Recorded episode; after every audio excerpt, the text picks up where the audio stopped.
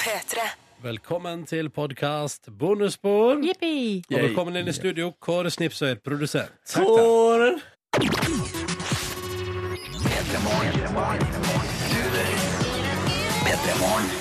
Velkommen til februar. Oi, oi, Oi, oi, oi! oi. Tre minutter med seks, nå starter vi!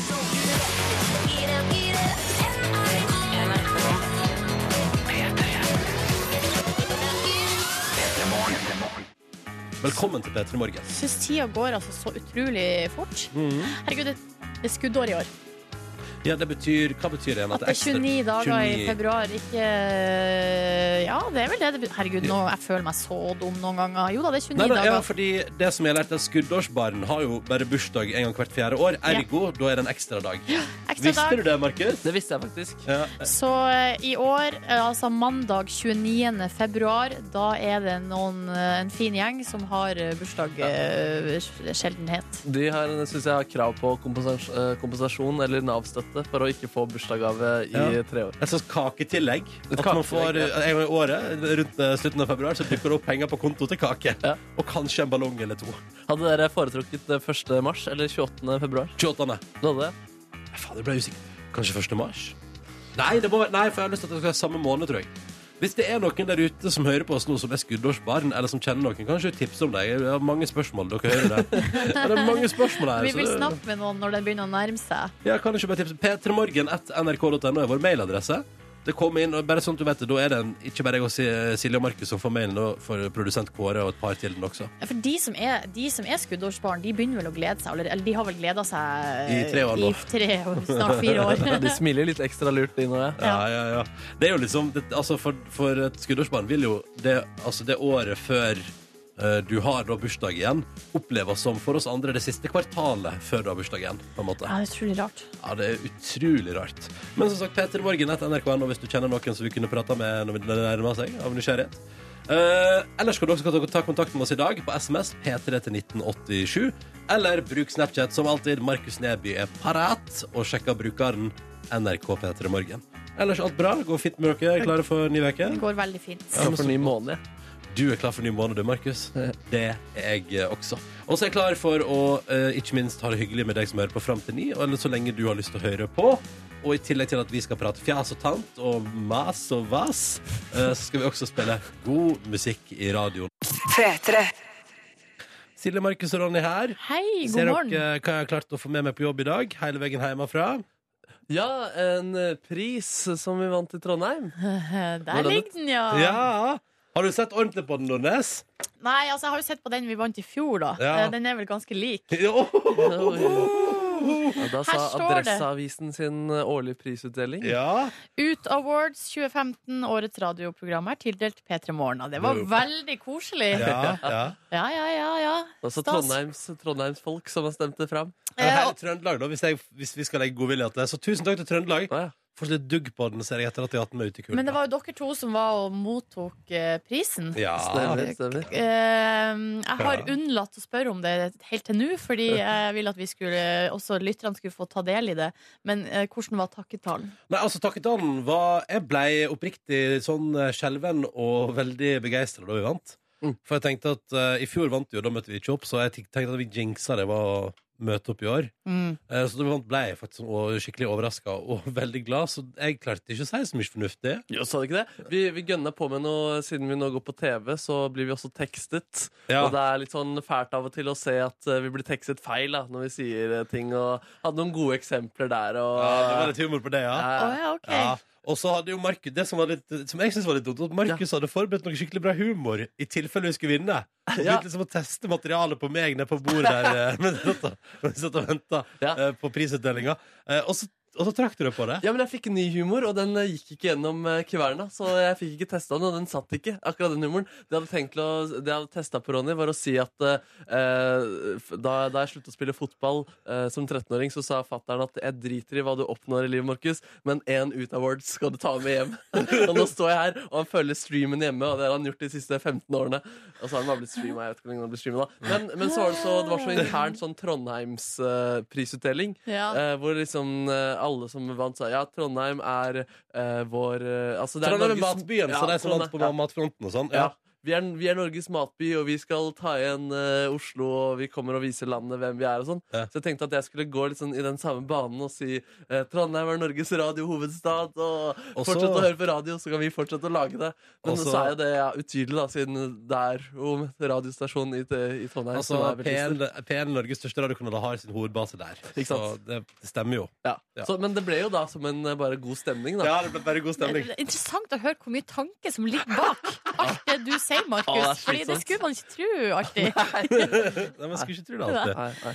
Nei, nei, men uh, høres ut som dere har kosa dere. Ja, vi savner Nordnes, da. Men vi, Ja. Jeg er jo født i Trondheim, så da kunne jeg tatt en sånn Ja, det er godt å endelig være hjemme. Ja, ikke sant? Ja. Det tror jeg alle hadde likt å høre, Silje. Ja, ikke sant? Ja, det var flere som spurte hvor er Silje, da? Spurte etter meg. Ja. og Og da sa vi Og besøk av mammaen sin, sa vi da. Han kunne ikke komme. Det var ikke løgn, det. Nei, det var sant. Jeg så også at du hata Trondheim, men eh, det trodde du ikke på. da Ok, det var bra.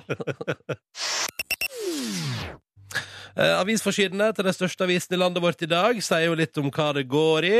Um, VG skriver om et nytt eh, stup for Arbeiderpartiet på ny måling. Eh, Dagbladet skriver om at du taper TV-krigen. Um, fordi nå driver det og forhandles, og siste nytt nå etter at avisa gikk i trykken i går, er jo at eh, hvis du er Kanal Digitalkunde, så har du ikke TV Norge og Discovery sine kanaler i dag. Mhm. Eh, da er du tom der, for de har ikke blitt enige, Kanal Digital og, og TV Norge. Så nå mangler du TV Norge 5, Max, Vox, eh, Discovery. TLC, masse greier. Ja. Men det der er jo sånn som jeg eh, Eller jeg hadde ikke trodd at det skulle gå så langt. For i går så, eh, så diskuterte jeg det med eh, kjæresten min, og så sier jeg eh, at det her nå er det noe greier på gang. Det Ja. kan forsvinne ved midnatt, men det kommer ikke til å skje. Det skjedde, det. Og så skjedde det. Ja. for, eh, men det må jo ordne seg. Jeg kan ikke forstå annet når over halve befolkninga mister så mange kanaler. Det Nei, men det, ble, ordner det, seg det, jo. det, det ordner seg. Det kommer Ja, til å jeg på tror sikt. det. Men eh, man må sette et eh, Folk må jo ha Animal Planet. Ja, Hallo! Hva skal man gjøre uten? Ja. Hva skal man gjøre når man ikke kan se på dyr på TV? Jo, Ja. da tyr man til Facebook. Og da har jeg et tips fra Dagens Næringsliv i dag, Silje. Eh, eh, det, Nå det, er jeg kan, spent. det er kanskje obvious, men jeg, kan ta, jeg tar det med i tilfelle. Eh, for det Dagens Næringsliv skriver om i dag, og som det også har på sin forside, pass deg for Facebook-fella hvis du er sjuk og hjemme fra jobben. Og det det handler om, er eh, at det er, man skal eh, vegre seg litt for å legge ut masse ting i sosiale medier når man er sjukmeldt. Altså.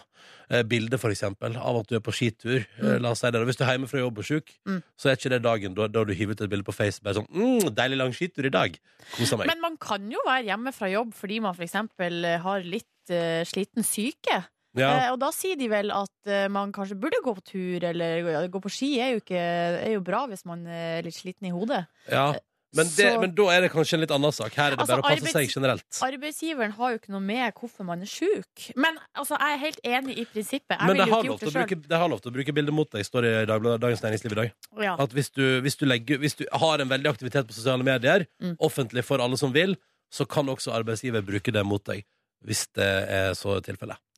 Riktig. Da, det Mm. da må man huske på det, da. Mm. Kan også ta med kjapt at det er rekordhøy prisstigning på boliger i januar. Uh, prisrekord i Oslobyen, for eksempel, fordi det er veldig mange som har lyst på leilighet, og det er veldig få leiligheter som er til salgs. Oi. Det er også fra Dagens Næringsliv i dag. I, ellers så er det jo da Donald Trump som eh, er på eh, de alle forsidene i dag. Både VG og Dagbladet har altså vært i Iowa. eh, og da, her står det Dagbladet møtte Trump, eh, og VG har da vært på valgmøte. I dag begynner primærvalget. Ja. I dag begynner eh, Altså, i dag begynner det jo, egentlig. Ja. Eh, og jeg føler at det har vart i to år allerede. Men i dag skal vi jo endelig få svar på litt, eller etter hvert her nå da, i valgperioden.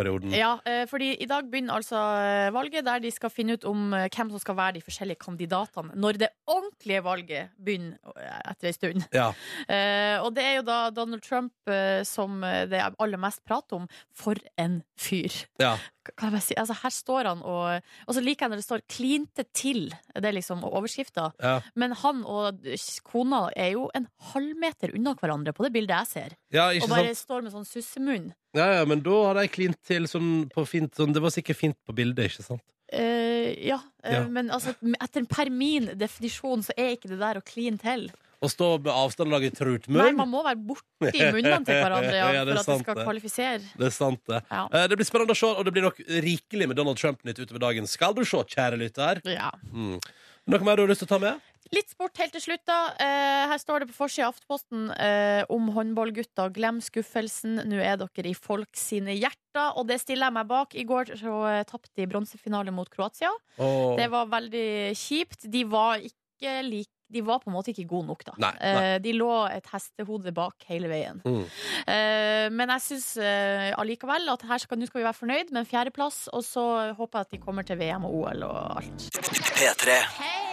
Og så sender vi en stor klem tilbake eh, til noen som har sendt en stor klem til oss. Det er altså da Anna, Julia og eh, Hanna som er akkurat nå eh, og hører på oss i Vietnam, og som melder om 30 grader og strand og ingen turister, og det høres helt nydelig ut. Og der har de eh, vatta opp noe Peter i morgen, eh, når de nå starter sin seks måneder lange reise. Eh, sannsynligvis da verden, rundt omkring i verden før jeg skal begynne å studere til høsten. God morgen, Åh, jenter. God Eller, morgen, God ettermiddag, da. tur. Det høres helt fantastisk ut. Fikk lyst til å ta meg en tur.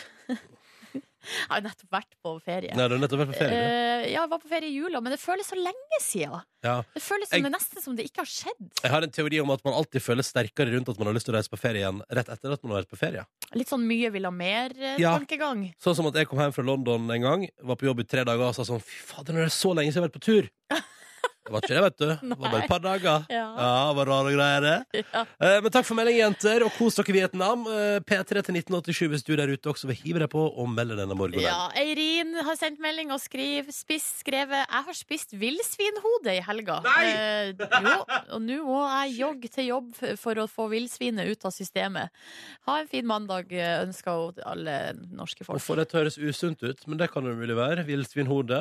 Kan hende hun bare spise litt mye, da? Ja, at det har lagt det som en klump i systemet, og at hun bare får det ut, ja. Eh, God tur til jo- jobb, da. God jogg. Mm. Og så er det en her som skriver eh, Jo, det er Arnold som skriver at eh, han ikke har fått sove i natt takket være ny mokkamaster i hus. Og da lurer jeg på, altså, er det fordi at han drakk så mye kaffe i går? Ja, bare måtte teste den i går. Du drakk en liter, ja? Ja, eh, eller er det at eh, kaffe, den nye kaffetrakteren laga en, eh, en lyd? I så fall ville jeg bytta den inn, i en, altså, for da høres det ut som det er noe galt med den. Men uansett, han har i hvert fall vært våken i natt, så da ble det kyllinglår med ris til frokost i tretida. Å, så deilig. Eh, og så skal han være på jobb da i dag til klokka to. Så det høres ut som en god plan. Ja, ja, men Hvis du har starta deg med kyllinglår og ris, så kan det vel umulig bli dårlig, dette her. Det er jo min favorittrett. Gratulerer. Uh, kyllinglår og ris. Flott. Ingeborg har sendt oss melding også. Hun har ikke spist kyllinglår og ris, så vidt jeg veit. Men hun skal til tannlegen i dag. Så Ja. hun bare melder at den starten på veka er ikke helt eh, optimal for hennes del. Eh, Og veka kan bare bli bedre etter det. Eh, Og hun holdt på å skrive god morgen, men det klarer hun ikke å stå inne for eh, på en dag når hun skal til tannlegen. Så da ble det ikke. Men Ingeborg, det kan jo hende at du også som eh, Ronny får lykketroll i premie etter at du har vært hos tannlegen. Og at det ikke er så grusomt som man skulle tro. Mhm. Det var jo også tilfellet med meg. Ja. Eh, Så det ble jeg glad for. Eh, Ingeborg, jeg håper du får en lignende opplevelse. Og håper de sier sånn Du er flink, du, Ingeborg. Dette går bra. Du får det til, du. Her har du et lykketroll i premie. Ja, Ja, det er ja vi får se. Vi får se. Lykke til. Å, herregud, dette blir en spennende dag. Ja. Ja, fordi at bare om fire minutter nå så skal alle ti som er nominert til Urørt-finalen 2016 offentliggjøres. Det er ti band og artister som skal kjempe om å få være med til finalen, som går av stabelen 5. mars på Sentrum Scene i Oslo under Bylarm. Og eh, de skal elimineres litt sånn etter hvert utover i februar. Så her er det bare å henge om sin favoritt når de da blir offentliggjort om fire minutter. Vi skal gjennom omtrent alle finalistene Nei, ikke finalistene er nominerte i løpet av sendinga i dag, faktisk. Fram mot ni. Mhm. Så det er bare å dure på. Eh, begynner snart. Det er veldig spennende. Jeg vet jo hvem som er med. Gleder meg. Jeg synes det er et godt utvalg med no ny norsk musikk. Ja. Må jeg bare få lov til å si. Jeg har allerede funnet meg soleklare favoritter, selvsagt. Oi, skal du eh, Skal ikke si noe om det. Nei, okay. Ingen får vite hvem jeg heier på, fordi det er viktig med eh, habilitet eh, og alt det der når det er Urørt-finale på gang. Ja, men da stiller jeg meg bak det. Da skal jeg heller ikke si min favoritt. Nei, nei, det må du ikke finne på. Eh, I tillegg til at vi skal gjennom en haug med Urørt-nominerte og offentliggjøre alle sammen om noen få minutter her på P3, eh, så får vi i dag besøk av Keisersgeneralen Jan Ove Ottesen, som nå har gått solo. Eh, ja, han Det var jo en slags et comeback på Spellemannprisen på lørdagskvelden Oh yes. Han hadde veldig fine overarmer. Ja, så jeg det ble eh, de- kommentert på han Twitter. gikk i singlet. Yes. Ja, ja, ja, det fikk jeg med meg. Jeg så det, jeg vet du, koste meg enormt. Uh, og vi skal høre på den nye låta hans og prate med han her i P3 Morgen. Og så kan vi røpe allerede nå at Markus Neby har rigga opp et piano i studio. Uh, mer om det seinere. P3. Eh, og nå skal vi prøve å arrangere vår konkurranse. For det gjør vi hver dag rett uh, etter klokka sju. Og målet er å få delt ut noen flotte morgenkåper som vi skal sende av gårde i posten. Men da må tre spørsmål bli besvart riktig uten problemer. Hvis noen svarer feil underveis her, er det over for alle sammen og ingen morgenkåper. Flotte P3 Morgen-morgenkåper i premie, dessverre. Men la oss prøve. Torstein, god morgen. God morgen.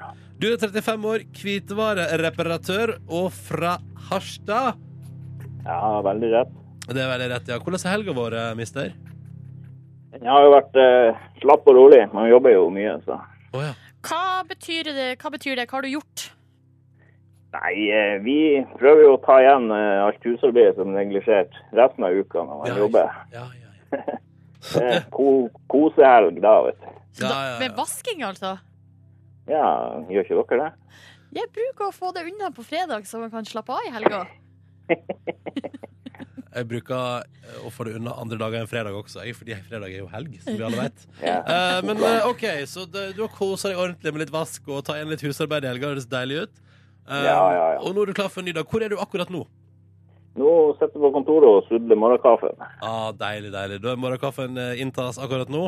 Klar for å reparere saker og ting etterpå. I tillegg til Torstein så er vi også med oss Anders. Du befinner deg i Fredrikstad, er 43 år og advokat. Ja, god morgen, god morgen. God morgen. Hvor er du akkurat nå? Akkurat nå så sitter jeg i bilen på vei til Moss okay. for å kjøre datteren min på skolen. Ah, OK, OK. Så da er det det du driver med akkurat nå? Hva har du gjort i helga da, Anders? Og da har vi hatt en avslappende og god helg og vært eh, sammen med venner og sammen med barna. Men har dere også tatt en deilig husvask for å kose dere sånn skikkelig? Uh, nei, Nei. nei. vi, men vi har ryddet lite grann. Se der, ja. Det skjer både det ene og det andre på uh, fikse leilighetfronten i, eller husfronten i helga nå, skjønner jeg. Skjønner jeg. Um, OK, så da høres det ut som du har lagt bak deg en fin helg. Er du klar for Ja konkurranse? Veldig klar. Ja, men da syns jeg vi skal kjøre i gang. Det må bare svares riktig her nå, altså. Torstein, er du klar? Yes, sir. Første spørsmål i konkurranse i dag lyder som følger. Hva slags fancy jobb i Sverige har Stefan Löfven? Stefan Löfven. Hva slags fancy jobb er det han har i Sverige, tror du? Er ikke han uh, så mye som uh, statsminister? Hva sa du? Ja, vi sier det. Hva, ja, hva sa du, sa du? Statsminister. Det er helt riktig, det. Ja. Statsminister er riktig. Han er også leder i partiet sitt, uh, som jeg alltid forveksler med det andre. Hvis du skjønner hva jeg mener.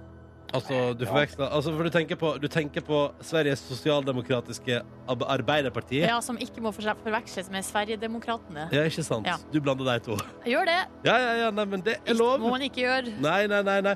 Eh, det betyr at Torstein har svart riktig på sitt spørsmål. Ett av tre unnagjort. Anders, det er din tur. Ja. Og spørsmålet til deg lyder som følger.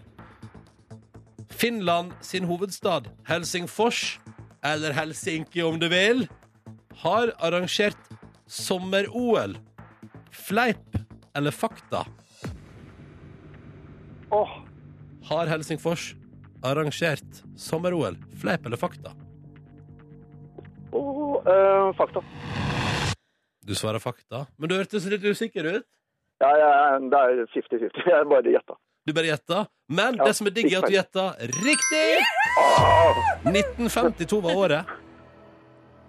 52. Åh. Det var bra. Det var bra. Se der. Det betyr at både Torstein og Anders har svart riktig på sine spørsmål i P3 Morgen konkurranse. To av tre er unnagjort, men her kommer jo den deilige og samtidig ofte vonde tvisten. Det tredje og siste spørsmålet skal besvares av enten eh, Silje Nordnes eller meg sjøl. Og hvis vi svarer feil, så blir det ingen premie på våre to deltakere, som jo har gjort en veldig god innsats så langt. Og da er det sånn, Torstein, at du er deltaker nummer én, så du skal få velge, du. Hvem skal svare? Ehm, nei, vi lar hos Silje. Vi lar hos Silje, det syns jeg er helt riktig. Vi lar hos Silje. Men nå er han som kommer inn med spørsmålet, så fnisete. Ser så fnisete ut, vår produsent Kåre, at nå blir jeg får bange anelser. Hva kan det stå på lappen? Lol. Ikke flir og lol. Det her er seriøst. Det her er ramme alvor.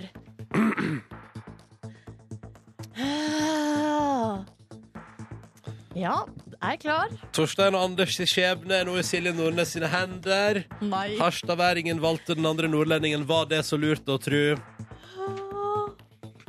Silje, Ja. hvor har du vondt om du har podagra? Er det A i korsryggen, B i håndleddet, eller er det C stortåa? Podagra. Og det, er, det høres så kjent ut. Å, ja, ja, ja. Og du har til og med fått tre alternativer, Nordnes, så dette Ja. bør du få til. Nei! Jeg må be deg om et svar. Jeg må be deg om et svar nå. Er det Eh. på korsryggen, håndledd eller stortåa? Jeg er klar. Hånd... eh, Si et svar stort. nå. Håndle, håndleddet. Du svarer håndleddet. Nei, stortå. Nei, korsryggen! Ok, Er det korsryggen du går for? Ja. Fuck! Du var innom alle tre der. Du var innom alle tre. Det betyr jo at du var innom riktig svar. Jeg vet det. Men det var ikke det du endte på, dessverre. Var det håndleddet? Nei. Det var stortå. Det var stortåa. Å, så fælt. Øredøvende stillhet på telefonlinjene. Ja, vi er dypt skuffa. Har du hatt podagra, Torstein? Nei, alle vet jo hva det er, Silje. Vet alle det? Alle bortsett fra deg, tydeligvis. Visste du det òg, Anders? Ja, jeg gjorde det også. Ja. Men Hva er det Kanskje slags det er noe- lidelse? Men kanskje det er noe man vet hvis man kommer litt opp i åra, da? Eller hva da? Er det det er det, det, det går på? det. Det er sånn gubbe, gubbesykdom. Er det er en slags gikt for får jeg på øret. I tåa. Å, det hører Podagra Nordnes, du kommer aldri til å glemme det. Nei. Eh, kjære Torstein og Anders, det var veldig hyggelig å ha dere med. Måtte dere få en nydelig uke, og tusen takk for praten. Jeg er skikkelig glad i dere. Håper dere får en fin uke. Ha det bra! Ha det! Ha det bra. Ha det. Nei, da Ja, nei, men sånn er det. Og sånn begynte denne veka i P3 Morgen. Vi prøver igjen i morgen. Vi, det syns jeg er på sin plass. Hvis du har lyst til å være med, så er nummeret du må ringe inn for å melde deg på 03512. 03512 der altså. Linja er åpen allerede, så her er det bare å hive seg på tråden og melde deg på. Din start på dagen.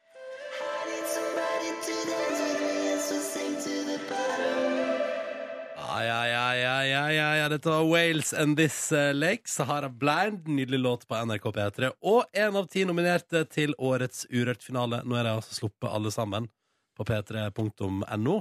Eh, og du kan også gå inn via vår Facebook-side for å se på alle ti nominerte til årets Urørt-finale. Det er stas, det er stas. Eh, og vi skal spille eh, Altså, de nominerte skal spilles utover hele dagen i dag. Ja, jeg skal, feite, vet du. Ja, med, jeg skal få virkelig få gjort deg opp et inntrykk. Oi, oi, oi. Eh, hei, Markus. Hallo, hallo. Da Hei, kommer jeg til å klare å finne min favoritt i løpet av dagen. da Ja. Hvis jeg bare hører på P3. Ja, det stemmer. det stemmer. oi. Jeg, allerede, kan røpe at jeg skulle inn og stemme på én, tenkte jeg. Eh, Så tok jeg like godt og bare stemte på Jeg har iallfall stemt på halvparten. Har du? Det er jo da Ronny sin eh, forbannelse i denne typen la oss kalle det konkurranser. Altså At han gir først en stemme på én, eh, men så får Jeg vet ikke om det er dårlig samvittighet eller mangel på Eller er beslutningsvegring. Nei, det, det er så mye bra. Og så tenker jeg at jeg, hvis jeg, altså jeg jobber jo her, så jeg, hvis jeg stemmer litt sånn her og der, så er det bare koselig, det. Ja, men det det ender med, er jo at du gir jo alle en stemme, og Ja, da ja, ja. kunne du like gjerne latt være. Hvis du Ikke skjønner. sant? Ja, ja, ja, ja. Eh, bare for å gå kjapt gjennom det nominerte. Eh, Over the Trees har du hørt der på P3 med Garbage Crown. Eh, de er nominert. I tillegg så har vi Aggie, eh, samisk artist. Nydelig låt eh, som vi også spiller på P3 for tida. Uh, Cezinando har du hørt eh, på P3 før. Eh, han er nominert eh, til å bli årets eh, Urørt. Det samme er Depresno, Fasit, Frances Wave, Ida Stein og Leona. Masse spennende eh, navn. Stem, stem. Blesson òg. Blesson også. Må ikke glemme. Må ikke glemme. Men det er jo litt sånn, i år er det jo også litt sånn annerledes måte man kan stemme på. Man kan gjøre det som vanlig inne på p3.no med å gå inn, og så trykker du på stem. Mm. Men eh, i år også så kan du gi din stemme ved å eh, bruke hashtaggen urørt, og så da pluss bandnavnet til det bandet som du liker best. Mm. Eh, og hvis du eh, både på Facebook, Twitter, Instagram, så vil hver hashtag eh, bli talt som én stemme. Mm. Så her er det mange muligheter til å stemme og finne sin favoritt. Det skal du få hjelp til utover dagen altså her på NRK P3. Eh, vi skal spille gjennom eh, alle låtene til gangs denne mandagen her. sånn at du blir ordentlig kjent med de ti eh, nominerte til årets Urørt-finale. Skulle vi tatt med oss en til med en gang, kanskje? En urørt-låt? Ja, det ligger jo en under der som Ja, ser klar på. ut. Ja, Skal vi høre på Ida Stein, da? La oss gjøre det. Ida Stein altså nominert til å kunne bli årets Urørt. Trenger dine stemmer hvis du liker henne. Eh, og så finner du også alle ti nominerte og kan stemme på dem inne på p3.no. Ok, Da gir vi løs på Ida Stein, da. Her på NRK P3. Nominert til å bli årets Urørt 2016. P3. Det har jo vært helg. Vi har lagt bak oss den siste helga i januar. I dag er det februar, og det føles godt. Og det er starten på en ny uke. Um, jeg kom hjem fra Trondheim i går, eh, Silje og Markus. Ja. Jeg hadde vært der i helga og kosa meg noe voldsomt. Og så hadde jeg prata under mitt opphold i Trondheim. Vi har prata om det før på P3 Morgen. Jeg har jo ikke Netflix. Um, så uh, da når jeg kom hjem i går, så, eller da hadde jeg prata med min kjæreste uh, om Ja, hun har jo Netflix-konto, og kan man være flere som bruker den? Ja, det kan man. Uh, og så da, da sa jeg sånn Kanskje jeg kan registrere meg på den, da? Og ta den i bruk. Og så det må du prøve. Så kom jeg hjem og vatta opp Mac-en min. Eh, og så logga jeg meg inn og oppretta liksom under hennes bruker egen sånn at Who's watching? Og så skrev jeg sånn Ronny. Ja, kan, du kalte deg ikke noe morsomt, da. Nei, jeg kalte meg Ronny. Kalte meg Ikke Ronny. Ronny Far, Nei. Ronny Pony. Godklumpen. Mm, Ja. Nei, det ble Ronny, gitt. Ja. Uh, og så begynte jeg å legge til ting i min liste over ting jeg har lyst til å se. Og der var det Making a Murderer, Orange is the New Black, House of Cards. Altså ting jeg aldri har sett før. Mm, litt bakpå, men du er i gang. Du er i gang. Jeg er i gang. Ja.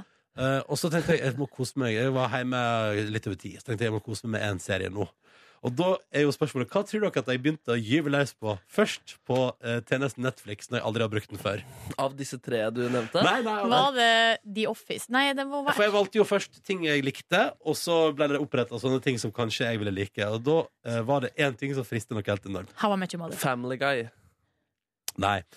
I går kveld klokka eh, rundt halv elleve begynte jeg å se på verdens beste ungdomssåpeorienterte TV-serie, nemlig Nei, dette er feil låt! Faen! Eh, Var det The OC? det var The OC. Ah. Jeg begynte å se på The OC i går. Første episode, første sesong, med eh, interesse for dette fenomenet som jeg elska så hardt da jeg var en 17-18 år gammel. Ja. Eh, om eh, kidden som kommer ifra harde kår ikke sant, i en drabantby, og som plutselig blir tatt vare på av en familie, en megarik familie i eh, Newport, i the, eh, Orange County. Ikke sant? Det er veldig spennende. Det er drama fra første sekund. Men ville den innfri som den gjorde i 2002? Sto det, sto det seg, liksom? Står den seg? Står seg altså så utrolig bra! Det eneste som ikke står seg, egentlig er grafikken på kjenningsmelodien. Den er stygg, ass. Men utenom det er det altså Det er seriøst, det var helt konge. Og det var så bra. Og det handla ikke kun om eh, nostalgi, fordi du hadde sett det før. ikke sant? Ja, ja, ja, jeg har sett det før. Det var ikke bare det at det var et koselig gjensyn. Du mener faktisk at kvaliteten er, står seg like sterkt i dag? Skal jeg love deg. Ja. Nå har jeg funnet riktig låt òg, bare for å sette stemninga. Hør på dette her. Ok. Der, ja!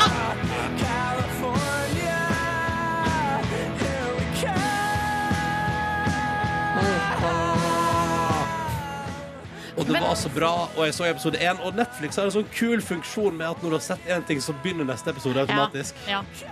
Hvordan gikk det, da? Jeg la meg kvart på tre. Nei! jo! Jeg har sett fem episoder. Det var så bra! Det var så bra, og jeg koser meg så innmari, så jeg, altså, jeg klarte ikke å legge meg. Og når jeg sovna eh, rett før klokka tre i natt, skulle opp klokka fem, sovna rett før tre Og jeg skal fortelle, jeg sovna av tanke på Jeg lå og tenkte hvis jeg ikke får sove nå, skal jeg stå opp og se mer. Du må beskyttes fra deg sjøl, Ronny. Du så stengt, stengt ute fra Netflix. Ja, vet du hva? Netflix og jeg vi kommer til å bli bestevenner. Jeg skjønner det allerede nå, og det kommer til å bli så lite nattesøvn fremover. Og det eneste jeg gleder meg til i dag Jeg vurderte jo å- stikke og jogge i dag, men det eneste jeg gleder meg til, er at jeg skal bli fort ferdig med sending, komme hjem og se på mer The OC. Jeg tror ikke jeg kan gjøre noe Det i livet mitt før jeg har sett alle fire sesonger. Og ikke glem det her joggeprosjektet ditt. Nei, nei, nei, nei, nei men det er jo lov til å kose seg litt òg. Du skal se alle fire sesonger før du eh, jogger igjen. Nei, det skal ikke jeg, men eh, det blir bra, dette Du vet du kan ha, du kan ha strømmetjenester på mobilen din, Ronny, så du kan se på The OC mens du jogger. Det Jeg kan høres se på de- trafikkfarlig ut, spør du meg. Nei, altså på tredemølla. Enda bedre. Jeg kan se på The OC mens jeg jobber. Nei! Vatt opp, bare vatt opp episode seks nå. Ikke her og nå. Jo, kan- hvorfor kan ikke bare gjøre det? Går det an, altså? Ja, ja, ja, ja, ja, ja, deg etter ni, i hvert fall. Å, herregud. Nå må vi bare få på noe musikk, så jeg kan begynne å se på The OC. P3. Og så må jeg bare si at Kristina sitter søvnløs på jobb nå, etter å ha oppdaga serien Person of Interest i går, og sitter nå søvnløs på jobb ni episoder senere. Nei! Hun har akkurat samme skjebne som meg. Og jeg ser også i SMS-innboksen at Sofie har altså gjort akkurat det samme som meg og kommet seg over The OC og gått på en streamingsmell der. Det er altså så nydelig. Nå har vi fått også mail fra Øyvind som skriver her da måtte Ronny må legge inn sånn foreldrekontroll på Netflix-kontoen. Du vet, det går, ja, så du får ikke lov til å se utover natta Ja, men du vet eh, at, når du eh, har sending dagen etter. Silje, da kommer jeg til å kjøpe min egen konto. altså, det er jo helt fantastisk. Jeg, altså, jeg fikk tilbake bingefølelsen i går kveld. Liksom. Det, det, er så, det er så lenge siden sist jeg har sett en TV-serie ikke klart å gi meg, og så vært våken altfor lenge. Det skal jeg begynne med igjen. Det er helt fantastisk. Nok om det. Vi skal videre i P3 Morgen. Vi må snakke litt dere, om sykkelsporten. Eh, en sport som eh, Man kan jo si det. Altså, dårlig omdømme. Eh, Eh, for ja, å si ja, det rett ut, dårlig omdømme. Det har vært eh, mye doping. Mye snakk om doping. Eh, og grove sånn, avsløringer og sånn. Jeg så, jeg så boka til han Lance Armstrong på bokhandel i går og tenkte Nei, den gidder jeg ikke lese. Nei, ikke sant. I helga har det vært altså, VM i sykkelcross. Eh, og da har de eh, for aller første gang testa et nytt system for å prøve å finne, å, å finne ut og avsløre eh, det de kaller for me mekanisk eh, doping. Hva Eller si? motorjuks. Oi, ja. Altså det eh, er sykkelen som dopes, på en måte. på et vis. Det har l- lenge versert rykter om at det er noe som er mulig, og at, det liksom, at, det, det er nesten, at du nesten ikke kan se det. Altså, du, det. du ser det ikke, på en måte. Du må eh, på en måte inn og fikle på sykkelen for å kunne se. Eh, og aller første gangen det her systemet ble tatt i bruk, så tok de pinadø meg en en jente som, eh, fra Belgia for å ha hatt motor på sykkelen sin. Det er rått. Det er rått. Ikke det helt sjukt? Det er helt sjukt. Altså, så, så ekstremt eh, merkelig. Ja. Jeg vet det. Det er helt uh, altså det, for, Ja, det er nesten for, for utrolig til å være sant. For her har du trena uh, og styra for å komme deg til VM Og i så tenk deg sykkelcross. for en, altså, hvor flink du har vært til å implementere motor i sykkelen uten at noen merker det. Ja, nå skal det sies at de, hun, eller hun har ikke uttalt seg ennå, men hennes eh, far og liksom eh, apparatet rundt mener jo at det ikke er At eh, hun ikke er skyldig, da. At, Mm. eh, sykkelen, at den sykkelen som ble testa da for eh, motordoping, den, eh, det var ikke den sykkelen hun hadde brukt, og at det var noen andre som hadde satt på motor på sykkelen hennes. Det og er sånn. ofte at de doperne sier at eh, det var for eksempel et stoff i en biff jeg spiste, som eh, gjorde utslag på Mm. dopingprøven. Ja. At det var bare noe som havnet Så her har oppå det jo- denne sykkelen. Her har det vært motor i biffen til sykkelen. Ja, ja. Eh, nei, men jeg, ja, det er ja, det fascinerende. er rått. å tenke sånn, Har de øvd med liksom motor? Jeg tenker i så fall så burde jo det i så fall bli en egen gren, Fordi det høres jo veldig vanskelig ut Ja, kjøre er ikke det sykkel. motocross, da? Ja, ja, ja, altså, ja. Jeg vet ikke hvor mye motorkraft det kan gi da, eh, en sånn bitte liten motor Ja. inni en sykkel. Men kanskje det er liksom den lille, det lille som skal på en måte dytte Mm. fra å være nummer to da, til å bli nummer én. Eller jeg vet Mm. ikke. Eh, men jeg bare syns det er så fascinerende at man liksom trener fysisk for å klare noe, og så bare Sett på en motor. Ja, ja, ja. Smile lurt. Ja. Altså, det er mye rask i sykkelsporten, det er det ingen tvil om.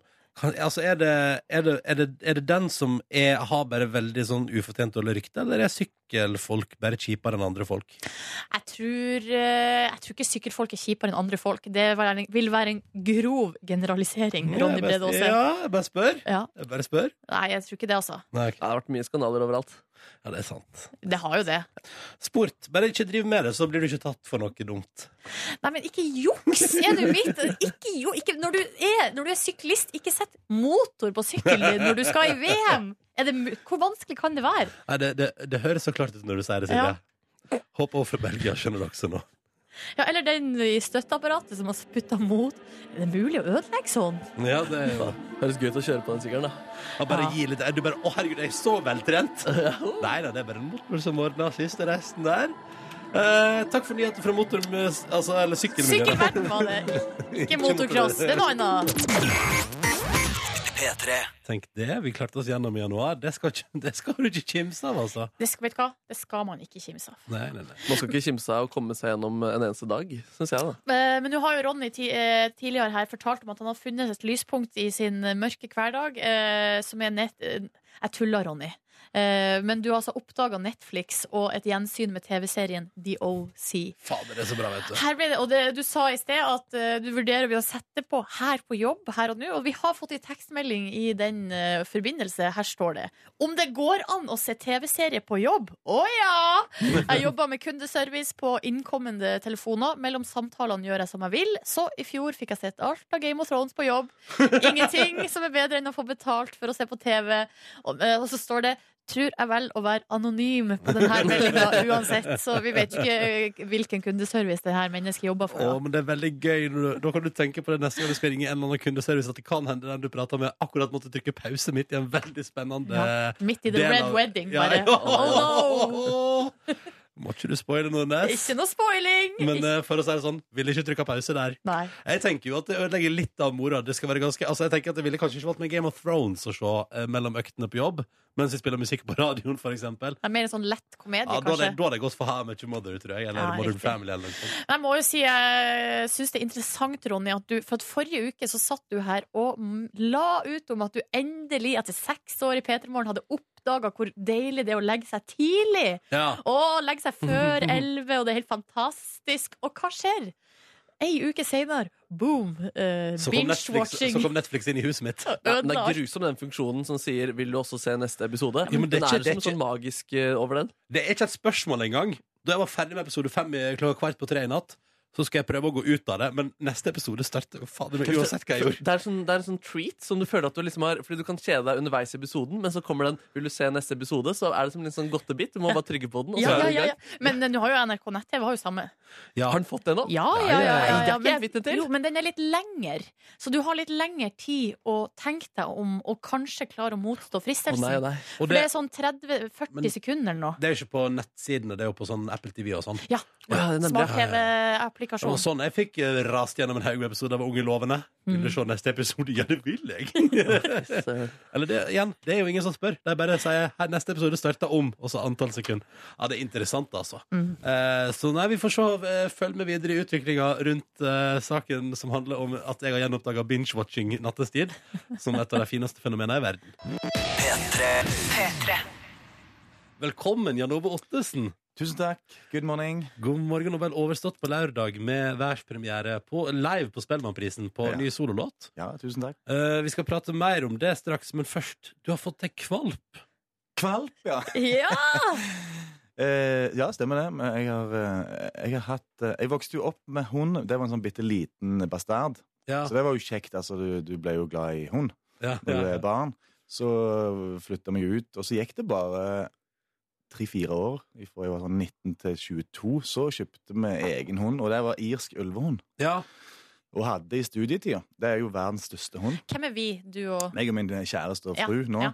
Men, men Eh. dere hadde i studietida? Ja, faktisk. Altså, Vi hadde jo ingen penger, veldig liten sånn leilighet, eh, men verdens største hund. Eh, så den hadde vi i noen år før den døde, og så og så har det ikke passet å ha hund, men vi har jo hatt lyst. Er hundefolk, da. Ja. Vi har hatt lyst til å ha ny irsk ulvehund siden da, men det har ikke passet før nå. Og nå Nå fikk vi i januar endelig ny kvalp, som det sier. Ja, ja, ja. Irsk ulvehund. Den heter Marlene. Oh, Marlene. Marlene. Så Eh, koselig. Men hvordan går det med Marlen? Kjempebra. Hun hadde diaré i helga. Oh, så deilig! Så det var jo herlig. Da var jo jeg her i Oslo. Og, Så du bare «Ha, Lykke så, til, ja, folkens! det er bare, tørke opp der hjemme, og så spraye med litt duft. Og så Ordna det Nei, det går bra. Men hvordan med sovinga? Jeg forstod det sånn at du har måttet tatt på deg litt ekstra der. Ja, ja, altså, vi, som sagt, vi all in. Det er jo som en baby. Bare, Ja. bare det går veldig komprimert. Det går liksom full fart. Den der eh, altså, Det tok eh, ca. ei uke der vi lå på gulvet omtrent inni buret Ja. med, med hun første uka for å liksom bli helt eh, vant til en ny heim i stedet. For hun var jo en av tolv valper som var vant med å ligge oppe nå. Og så eh, Så kunne vi Hun var oppe fem ganger per natt. Tissa? Ja, ja, Så da måtte vi òg ut fem ganger hele veien. Akkurat som en liten baby. Men det var bare to netter, og så var det nede i eh, to ganger per natt. Så Og så gikk det ei uke, ja, og så var det ingen Så, så det tar bare sånn eh, 14 dager, og så er du liksom ferdig med det der bitte liten baby. Får man, får man fri i vanlig jobb for å ha sånn hundetilvenning hjemme? For jeg skjønner jo at det er jo litt pes i starten, liksom. Ja, Det er derfor de fleste Du får vel ikke fri, men de fleste ønsker å få være på sommeren. Sant? Ja, For, for da er de hjemme.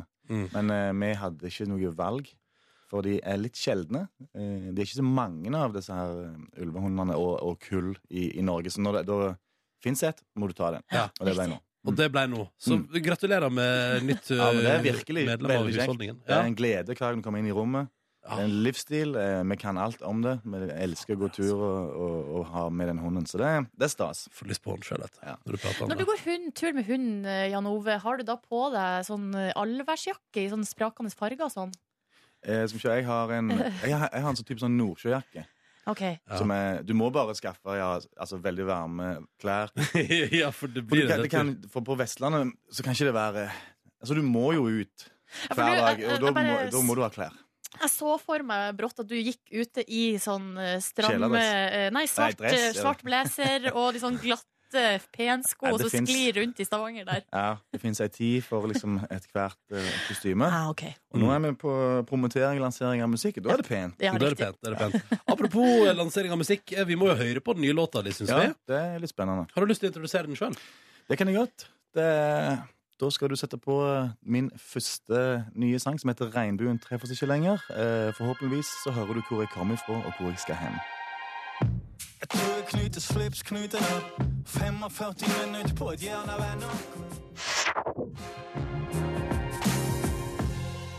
Der hørte du den, vet du, på radio også. Jan Ove Ottesen sin nye låt. Mm. 'Regnbuen treffer oss ikke lenger'. Herlig. Kan det falle i smak? Det, jeg syns det Ja, låter veldig. bra. Ja. Um, du framførte den jo, altså Verdenspremiere var på Spellemannshowet på lørdag. Hva tenker du liksom i minutter før du går på scenen der? Det er et ganske godt spørsmål, fordi eh, du vet, på TV så er det ganske sånn eh, mange lange minutt rett før du går på, for de er, så, de, er så, de er så opptatt av at du skal være veldig klar. Ja, Så, så når de kommer og er litt stressa og sier 'nå må dere gå på scenen', så, Ja. så vet jo Jeg har jo vært med så lenge at jeg vet at da er det fortsatt minst et kvarter igjen. Men det vet jeg heldigvis. Så at det, eh, for I begynnelsen så var det sånn at du, du, du begynner sånn Du begynner å bli litt Altså peppe deg opp og bli litt klar. Mm. Og, og 15 minutter med sånn at du skal Du tror du begynner anytime, er, er veldig lenge. ja det det. Jeg, Ja. jeg, jeg trenger egentlig bare jeg skulle, sånn, Ideelt sett visst uh, når det var ett minutt, Ja. og at det var sant. Nå er det et 60 sekunder. Greit, da kan jeg begynne å liksom Nå, nå går vi på. Mm. Men det blir ganger 15. Men det, men, uh, altså, det gikk fint. Jeg sto og Mm. myste i, i gardinene der og så på publikum. Prøvde å bli eh, vant til synet av den der eh, amfiveggen av publikum. Det er jo 50 meter høyt, eller hva er det Men hva er forskjellen på den her, en sånn opptreden og når du opptrådde med Kaizers, eksempel? Akkurat denne opptreden er ganske likt. For at eh, noe av det vanskeligste, syns, syns eh, mange av oss, er å spille på TV. Ja. For at du, du, du, kommer, du skal bare spille én sang. Mm. Det er så lite tid. Du må være, du, du må være på med, med en gang eh, etter bare eh, noen sekunder, og så må det virke i en fart, og så er det ferdig. Ikke sant? Og det er mye vanskeligere, og mer intenst enn en, enn å spille en konsert, eksempel. Ja, det tror jeg på. Men du, um, nå er det altså da tre år siden Keisers tok eh, pause. Mm. Eh, hva er det du har drevet med utenom å mekke soloalbum? Og når bestemte du deg for at det skulle du gjøre? Ja, jeg, jeg har vært veldig busy med altså, en, den, den kunstneriske hovedgrunnen til at um, eh, jeg ville legge Keiser på is, var jo at jeg, jeg hadde lyst til å gjøre veldig mye annet enn Mm. å bare lage ti Keisersanger hvert tredje år og reise på turné. Og det har jeg fått lov å gjøre. Så jeg har vel lagd er det tre eller fire teaterstykker på de tre åra. Mm. Eh, jobber med en musikal de tre årene. Jobber med symfonisk bestillingsverk til Stavanger Symfoniorkester. Eh, har lagd en full spillefilm, min første. Veldig spennende, krevende, utfordrende nytt for meg. Eh, og ja, produsert andre artister sine album. Og, eh, og, og komponert og prøvd å finne min egen nye retning. Mm. Og Du alt har, dette er bare ikke... komponering. Ingenting eh, opp, sånn utøvende opptreden. Men gud, da, har du ikke slappa av i det hele tatt. Nei, eh, eh, poenget var ikke også å bli pensjonist. Det var litt, det var litt tidlig. Det er litt tidlig. Ja. Men du, hvor mye kontakt har du med de andre guttene i bandet? Eh, Det er sånn vanlig kompiskontakt at når det, når, hvis noen er i byen, så tar du kontakt. Liksom. Vi bor jo i fem forskjellige byer. Okay. Faktisk, og han er, Geir har jo flyttet til Kjøben. Og, Så det er. Bergen, Stavanger, Oslo, Kjøben og Bryne. Ja, Bryne, det er ikke så Det er ikke så langt. Det er ikke så Men så har dere sånn fast tradisjon, har jeg forstått. Ja, så har Med vi- julebord. vi har- Julebord har vi. Det Ja. har vi hatt hvert år i eh, all, all vår eh, tid. Og det, det har vi fortsatt med. Det er liksom den ene tingen vi har blitt enige om at eh, uansett eh, og hvor mye eller lite vi treffes, eh, eller om vi spiller igjen eller ikke, så må vi ha julebordene. Så det hadde vi nettopp nå i januar. Fantastisk. Da, da lagde vi maten sjøl for bånd. Ok. Hva hva står på menyen? Å, skal jeg ta menyen? Ja, Nei, du ja, må, ja, ja, du må ja. ta menyen. Den er lang. Eh, for at vi var jo ni mann, og vi delte inn i tre grupper. Det var, altså, det var skikkelig sånn opp, ja, forskjellige ja, ja, det, oppgaver. var, det, var, det var kompe, Ja. eh, det var front, frontrekker, og det var apparatet. Apparatet skulle lage forrettene. Det var eh, spicy thai blåskjellsuppe Oi, sann. med mango-salsasalat. Eh, og så var det eh, fronttrekk, altså meg og Geir og Terje, som skulle lage eh, hovedretten. Andekonfi Oi. Oi, med risotto med sjampinjong og appelsinsaus. Og så var det kompe som skulle lage desserten. Og det var fransk sånn jordbærterte med, med vaniljeis og smelta sjokolade over. Og så, Så var det eh, eh, ostefat.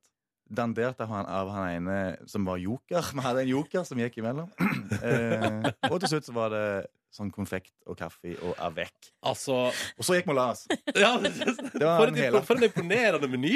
Ja, men det, var det, som var, det er mange som syns det der er kjekt. Vi òg. Altså, vi, Ja, ja. vi lagde mat hele dagen. Dette tok, eh, Vi kom fram i toalettida, lagde mat fra da til vi åt i nitida, og satt til bords til to-tre-tida. Ah, Fantastisk. Det er jo kjempekjekt. Deilig, deilig. Men, men, men dere har sånn flott julebord sånn. Kjenner ikke dere at det rykker litt i gjenforeningsnervene? Jeg blir mm. ja, eh, Nei, det er, det er litt for tidlig. Og sånn som han eh, vi, vi taler jo litt til hverandre og forteller litt hvordan det har vært siste Ja. året. Og sånn som han eh, trommisen eh, Rune Solheimstad han har egentlig ikke fått liksom fri fra det der keisergreiene før, før nå for fire-fem måneder siden. For han, det har vært mye etterarbeid. Han har tatt hånd om liksom det eh, administrative og produksjonen og økonomien og hele opprydningen i, i de siste ti årene. Og det har vært mye etterarbeid. Mye Så han har egentlig ikke hatt fri ennå. Så, så, Så nå er han klar for tre ja, år, Nå er han klar for å ha fri. Eh, vi tenkte vi skulle Markus kommer inn her straks og skal fyre opp pianoet. Det blir et lite sangintervju på Etter i morgen. Jeg har rykte om det. Det har jeg, hørt. det har jeg aldri gjort. Så det blir jo Jeg tror det blir kjempekjekt. ja, ja. Jan Ove Ottesen er på besøk i P3 Morgen eh, i anledning at han eh, framførte sin eh, nye melodi eh, på, for hele, verden eller, ikke hele verden, men for ver- første gang i verden på Spellemannprisen på lørdag. Og så har Markus kommet inn. Hallo, Markus. Hallo, hallo. Du har jo en teori om at man blir enda bedre kjent med folk gjennom musikk. Det stemmer. Så derfor skal du nå sangintervjue Jan Ove her på NRK P3. Vær så god. Du er en tidligere fotballspiller. I hvilken posisjon spilte du? Jeg spilte midt på banen, det som de kalte midtbanespill. Hva var dine styrker der? Hva var dine kvaliteter? Jeg var ikke så rask, men jeg hadde veldig god teknikk. Å, driblemester, er det deg? Er du en driblemester? Egentlig ikke. Jeg foretrakk litt sånn som Øsil og gi målgivende pasninger. Du så alle løsninger, du så alle løsninger, du så alle løsninger. Fra din posisjon. Presis. Men har du gjort noen grusomme tabber som var avgjørende i den kampen? En gang hendte det det at jeg helte ballen i mitt eget mål. Oi, oi, oi, oi. Har det skjedd mange ganger, eller var det bare én gang? Jeg husker bare én. Husker jeg bare én, ja. Jeg husker bare én. ja. Jeg husker bare én, ja. Jeg husker bare én. Husker bare én, men hva syns du om vårt landslag i dag? Det har vært forferdelig, elendig, i mange, mange år, men det er håp. Det er håp. Det er håp, det er håp, det er håp. Har du tro på Per-Mathias Høgmo? Mener du at han er riktig mann? Det kan jo hende han er riktig mann, men jeg heier aller mest på Martin Ødegaard. Jeg Martin gjør det godt. Har du fornøyd med hans utvikling? Ja, Det har gått bra med hans utvikling. Det har gått veldig bra med hans utvikling. Hva med dine egne barn? Din far var jo også spiller. Spiller. Eh, Har vil at de skal spille fotball, dine egne barn. Min farfar, han var fotballspiller. Min far var også fotballspiller. Og jeg var faktisk fotballspiller. Og min sønn er faktisk fotballspiller. Oi, en midtbane han, og så er han en pasningsmester som dem. Mm, Nei, men han er veldig rask. Og spiller venstreving, og han har venstre fot, og han legger inn sånn som Øsil gjør på Arsenal. Så header de han rett inn i vinkelen. Det var godt å bli kjent med dem. Jeg føler jeg har sett dem nå som en ny person. Lykke til med din sønn, din far, din bestefar og din oldefar. Tusen takk. Tusen takk. Å, nydelig, nydelig, nydelig. Veldig bra. Vakkert, vakkert. det var helt nydelig. Eh, Jan Ove, lykke til med soloprosjektet. Vi gleder oss til å høre mer fra deg framover. Og tusen takk for at du kom innom P3 Morgen. Veldig hyggelig å være tilbake. Vi snakkes. P3. Når du trykker på knappene, eh, ser du på dem, eller, eller føler du dem? Nei, men jeg eh, strekker meg egentlig ut av gammel rutine. Ja. Så da eh, blir det jo til at jeg bare liksom eh, ikke legger merke til om det. Jeg, legger, jeg ser jo ikke på om det har flytta på seg ting. Nei, nei. Men ting flytter på seg av og til, og da blir det kluss i systemet. Det beklager jeg på Ja. det sterkeste overfor alle P3 Morgens lyttere. Jeg er lei for det. Men du er god på det. Jeg tenker at du er litt sånn radioens eh, Ray Charles eller, eh, eller Steve Wonder. At du liksom Litt dårlig syn, og liksom du ser ikke pianoet helt, men du bare vet hvor alt eh, ligger. Og av og til så bommer man, da, men, men generelt så har du en god sans der. Altså. Men, men ser du på piano når du spiller, Markus? Uh, nei, ikke alltid. Nei, ikke alltid. sant? Nei. Uh, uh. Så, Så man trenger ikke å ha dårlig syn for å ikke se på ting. nei, jeg tror det var det som var poenget til Ronny. Ja. Ja, det det. Dere, ja.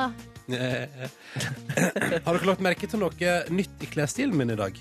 Nei, du Um, har på deg uh, T-skjorte og hettegenser. Ny bukse. Bingo. Ny bukse, men jeg la ikke merke til det før nå. Nei, den er, og jeg har altså da fått Jeg fikk jo til jul i fjor, eller altså for et år siden, av min kjæreste skreddersydd bukse. Altså at jeg går inn, tar mål, og så mekker folk ei bukse som passer meg helt perfekt. Eh, og så har jeg drevet og styra med det. Drevet og styret med det. Okay. Uh, og i helga var den ferdig, så da var jeg innom og henta den nye buksa mi. Og så får jeg da på vei ut følgende beskjed. Ja, det, du kommer til å oppleve den som ekstremt eh, hard og stiv å gå med. Eh, Men om en to ukers tid, da begynner vi å si Du må gå med den ei uke nå, så må du legge den i vann, og så må du gå med den ei uke til, og så sitter den. Ja. Så akkurat nå lider jeg meg altså gjennom ei altså, så trang bukse. For ikke bare er det jo Altså for det første er det jo eh, den første eh, jeansen jeg eier som ikke er altså i seggemodus og megalaus. Kan du ta deg en liten runde? Skal vi ta en liten runde? Men så poenget er at i tillegg til at det da altså er den strammeste buksa jeg noen gang har eid, Ja. så er det jo også er den jo ekstra stram og hard og stiv fordi den er helt nylaga. Gå catwalk, da, Ronny. Søren, det ser Du- nydelig ut. da Den sitter stramt på deg, så ser jeg. Jeg kan se, hva syns du? Du, jeg syns det er nydelig. For en utvikling. Er det rart, syns du? Nei, ungdommelig. Det der kledde du kjempebra, Ronny. Få kjenne på stoffet. Ja, ja, ja. Det er litt sånn mørk olabukse. ja, mørk olabukse. Og det sitter altså så hardt rundt for eksempel leggene mine. Vet du? Oi. Det er voksent, Ronny. Er det det? Jeg syns det. Altså, når, eh, hvis det er den første buksa du har som ikke er seggeaktig Altså, Det er første gang i mitt liv jeg har kjent liksom at jeg går ute i minusgrader, og så kjenner jeg liksom kulde helt inn på beina. For vanligvis er det jo god avstand mellom bein og bukse. Men altså, sånn som Se på leggene, for eksempel. Når det Ja, det er litt sånn uh... sitter altså så stramt. ja, Nå må jeg bare si til alle lyttere det er ikke skinny jeans Ronny har på seg. Den det er ikke den er ikke så stram, det er den ikke. Men Å, ja, er ikke dette stramt? Det er jo strammere enn Ja. eh, det du har hatt fra før, men det er jo ikke, det er jo ikke en tights. Det er ikke en tights, og gud forby. Ja. Eh, og det som, altså, og det å for eksempel når jeg skulle legge meg i går og liksom måtte prøve begynne å dra Altså, jeg får den jo nesten ikke av meg. Jeg må jo sitte og lirke. Altså, det har jeg jo aldri gjort før. Welcome to my world. Ja, er det sånn det fungerer? Fordi Yes. at jeg er jo vant til at jeg bare løsner på beltet, knepper opp, og så bare faller den til bakken. Men her må det dras og styres, og det er så rart. Og jeg, og jeg går rart, og det føles merkelig, og alt er bare Nei, alt er, nei, det er bare rart. Eh, Hvor er det verst? Um, jeg, tror at, jeg tror at det er altså Det er Stramheten sitter på legger og lår. Det der blir du vant til, vet du. Ja, det kan godt hende. Og det blir ja, veldig spennende. ja, Ja, men den utvider seg også, vet du. Ja, den gjør jo det. Ja, ja. Og så skal jeg da, altså, men det som er at nå må jeg gå med den i ei uke. Gå med den, sånn at den føyer seg til kroppen min. Og så må jeg bløyte den i vann. Og så må jeg gå med den ei uke til. Ja, men det der er jo også den altså det er de, samme, de som kommer med sånne type råd, er de samme som sier at man aldri skal vaske jeans. Eh, så man kan jo velge litt om man vil ønske ønsker å følge de rådene Jeg har lært en ting om det òg, Silje. Ja. Eh, Jeg vet ikke om det gjelder alle jeans, men det gjelder iallfall den jeansen her. Og det er at det mannen på butikken sa til meg, var at du går med den uten å vaske den.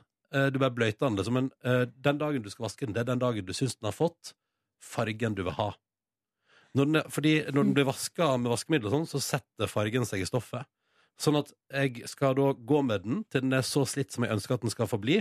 Og da låser jeg på en måte fargen på buksa ved å ta den ordentlig gjennom en vask. Hva tror du om det? Jeg vet ikke helt. Låse den Jeg vil jo tro at hvis du vasker buksa flere ganger, så vil den bleikes. Det er jo det vask gjør. Ja, jeg lærte at uh, det som er hvis du vrenger den og vasker den på 30 grader, liksom, så uh, da, da binder fargen seg i stoffet. Mm. Så den forblir faktisk sånn som den er ved vask. Lager man også den lukten man har klart å opparbeide seg ved å ikke vaske den da også? Yes, det gjør man. Så det blir deilig. OK, du hører på NRK P3. La oss høre på en ny Urørt finalist mens jeg uh, sitter her og venner meg til en ny bukse. Nydelig bukse. De kledde du, Ronny. Syns dere? Ja. Ble ikke for stramt, altså? Nei. Nei, nei, nei. Å, det var hyggelig å Jeg vil høre. gjerne se deg enda flere stramme klær. jeg. P3.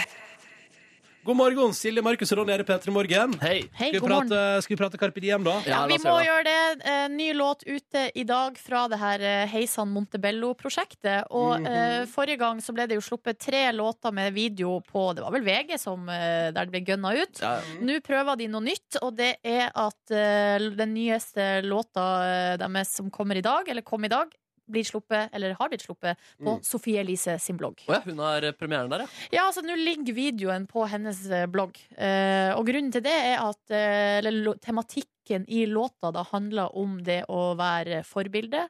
Det å eh, bli idolisert og det å se opp til noen. Eh, og da har de funnet ut at eh, Eller Carpe Diem har funnet ut at de har en fellesnevner med Sofie Elise der, da.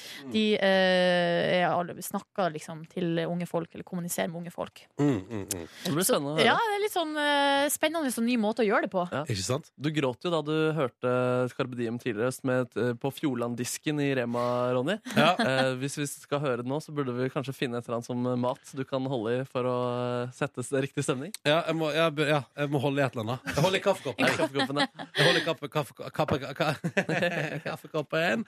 Nei, skal vi bare spille den, da? Å, fy søren. Direkte fra Sofie Elises blogg og rett inn i radioapparatet. Eh, dette er altså da Hus, hotell, slott brenne med Carpe Diem. Er dere klare? Jeg er klar. Jeg er klar. Da kjører vi bare på, da. Ingen grunn til å vente.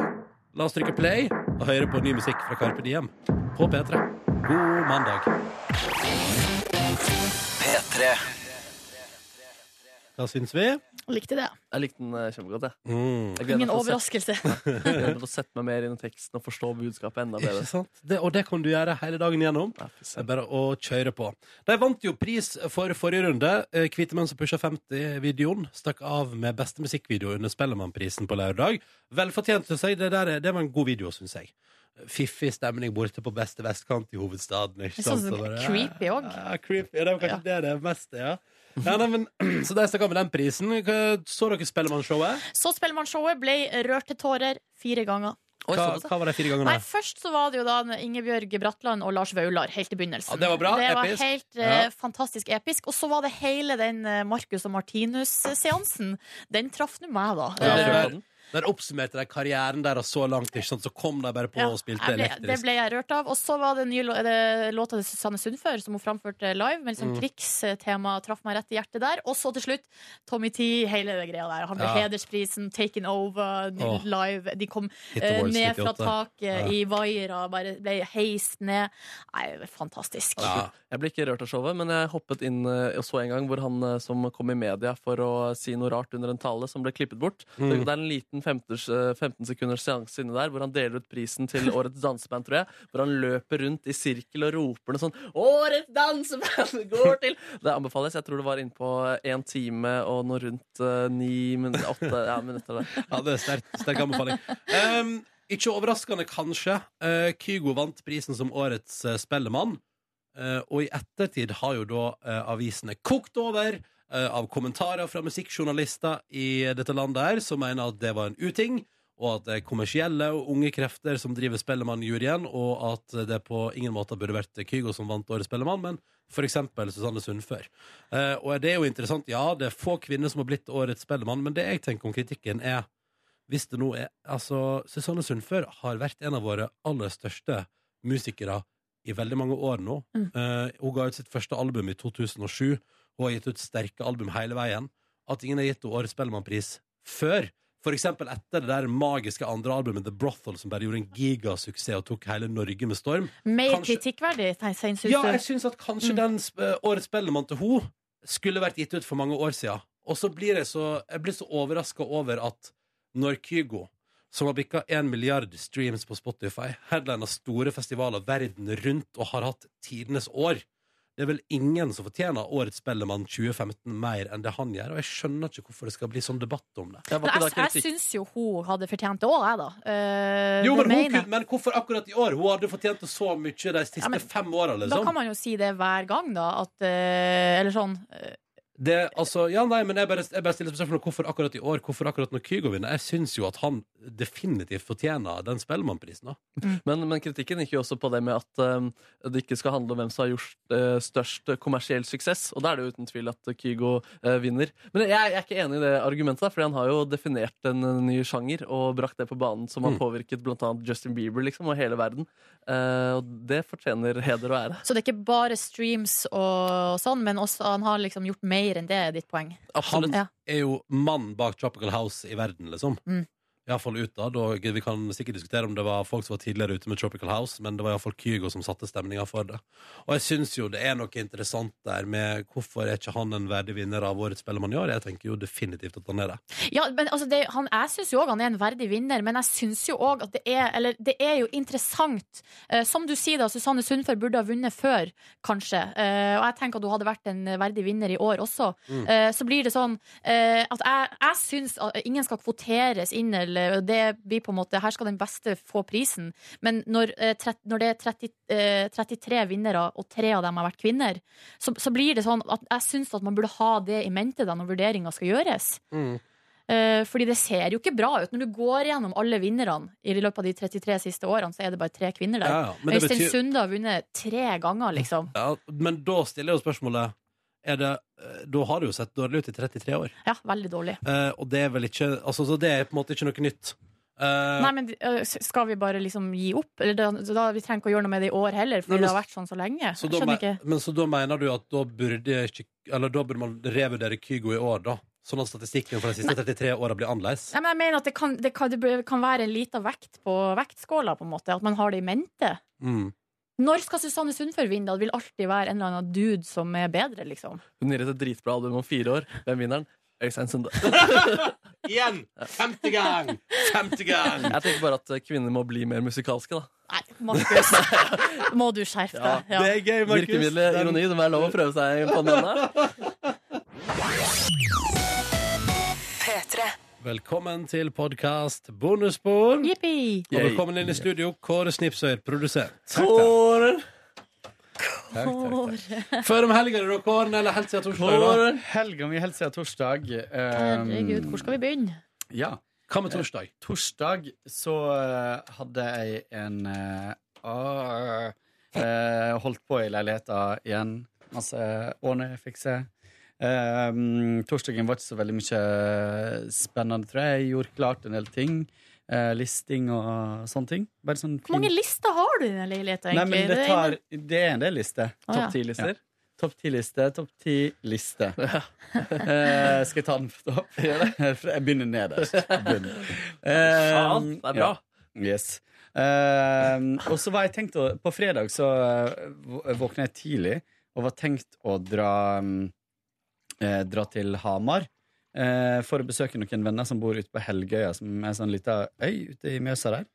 Eh, men, og så var jeg tenkt å ta et tidlig tog og tasse rundt eh, på Hamar. Bare sjekke ut eh, hva Hamar har å by på på en What's up? Heimer. Eh, men så eh, fant jeg ut Nei, jeg gjør litt sånn eh, forefallende ting hjemme i stedet for. Var en tur på Maxbo og litt forskjellige sånne ting som man aldri får gjort ellers i hverdagen. Eh, fiksa litt. eh, Var og så på ny badevifte til badet mitt, for den bråka sånn. Jeg hører ikke meg sjøl tenke engang der inne. Oh. Det skal mye til. Ja. Så jeg droppa å dra tidlig. Planen var da å ta toget til Hamar uh, og bli henta av han ene kompisen min, som når han er ferdig på jobb på Hamar, sitter på med han hjem ute der som de bor. Ehm, så da tok jeg heller et tog som var framme klokka fire. Eh, det var Det er digg å ta tog, altså. Det er deilig. Satt og leste bok og hørte på musikk og koste meg. Ehm, det er ganske fint oppover der, altså. Ja. Ganske mange fine Snødekt og Ja. vakkert. Ja. Og så var det litt sånn eh, Det var isdekke på en del sånn innsjøer og sånt. Så så, så liksom masse folk som var ute og pilka og sånt. Og på et tidspunkt så, så jeg en fyr som var ute med en eh, Det var litt langt unna, så det var vanskelig å se om det var en båt eller en eh, kajakk. Men iallfall så var fyren som eh, ved siden av eh, båten var ute på isen. Men så fra min vinkel så så Han var liksom helt på kanten av isen. Ja. Så dritskummelt ut. Og båten lå der, og han var oppe på isen. Yes. Det var, det var mange på toget som reagerte. da Det så skummelt ut. Men så at han kom seg opp igjen i båten, og sånt, så det gikk nok bra. Du så ikke Ellie Golding? Nei. Hun var ikke der, nei. Jeg vurderte å ta den vitsen sjøl, ja. Mm. Ja, du syns den var god nok? Nei, jeg dropper det. Mm. Kom inn til Hamar, blei plukka opp, blei kjørt eh, ut til eh, Helgø, som er sånn 40-50 minutter å kjøre. Ehm, der skulle jeg da eh, være på besøk hos eh, to av mine beste kompiser som har Altså, jeg kjente begge to før de ble sammen. Eh, nå er de sammen og har vært det i mange år. De gifta seg i sommer. Eh, og nå eh, har de da fått eh, fosterbarn. Eh, så de har liksom flytta fra byen og inn på et eh, lite småbruk der oppe med høne, to katter, en låve, gammel låve, 100 meter strandlinje. Eh, og har blitt fosterfedre til to veldig, veldig fine gutter. Det var veldig koselig. De var så tillitsfulle. De liksom ville sitte på fanget fra første øyeblikk og hadde lagd pizza. Var så stolte. De hadde bakt egne pizza og serverte meg Og du bare skal faen ikke smake på dette der. Jo da. Jeg håper de var unge, disse folkene. Ja, de er unge. Ja, hvor unge er de? De er 24. 3 og 8. Ja, nemlig. Se, jeg har bakt min egen pizza. Ja. Og så spilte vi, spilte vi Hva det heter Jakten på den forsvunne diamant. Ah, det er gøy. Og det er puslespill. Og så var det sånn gøy spill der du skal Det er sånn lille esel som står på bordet, og så har du masse pinner. Og så skal du, er det skal du legge en og en pinne oppå. Det er litt sånn som Jeng, Jenga. Har du ikke spilt det? Ja, ja, ja. Ja, sånn, og så skal ikke rase ned, liksom. Ja. Det var gøy. Eh, så eh, satt vi oppe når ungene var lagt, eh, og da lagde vi voksenpizza. Eh, og Hva betyr det? Voksenpizza. Erotisk pizza. Eller er det med, med uh, eh, alkohol og snus? Nei, men det er litt mer spicy enn uh, disse pølsepizzaene som disse ungene spiste. da. Eh, og så satt vi og drakk eh, ganske mye vin og prata. Det var veldig veldig koselig. Catcha opp. Det er lenge siden vi har sett hverandre. Det blir jo sånn da når folk flytter og får et ganske sånn annet liv. Um, Streit liv, A4-liv. Veldig. Men uh, Og Kåre er igjen i byen. Yes. Clubbing, Fader. dancing. Mediejobb. ja, det var veldig gøy å få, eh, det var gøy å få uh, en oppdatering. Og så, og så driver jeg og kikker litt på leilighet, og sånt Og de har jo vært noen råskinn når det gjelder investeringer og sånt. Oh, ja. De sitter jo veldig fint i det nå. På grunn av investeringer de har gjort før. Eh, Solgt på riktig tid og kjøpt på riktig tid. Og, ja. You know. Eh, så jeg fikk litt eh, tips der, pluss at Espen han ene er jo arkitekt. Eh, Så jeg hadde jo litt sånne problemstillinger i leiligheten min. Hvordan skal jeg løse det og det og det? Og så sa han bare sånn mye det- listing. Ja. Nei, men sånn, jeg skal bokse inn noen rør på kjøkkenet mitt nå, liksom, og så lurer jeg på hvor jeg skal plassere det. Og sånt Og da var han bare sånn Nei, det skal være der. Noe annet blir helt feil. Så han liksom så kompromissløs, da. Men det er morsomt. Streng dude. Ja, men veldig blid. Eh, så det var koselig. Og så sov vi eh, til neste dag, som Så bra.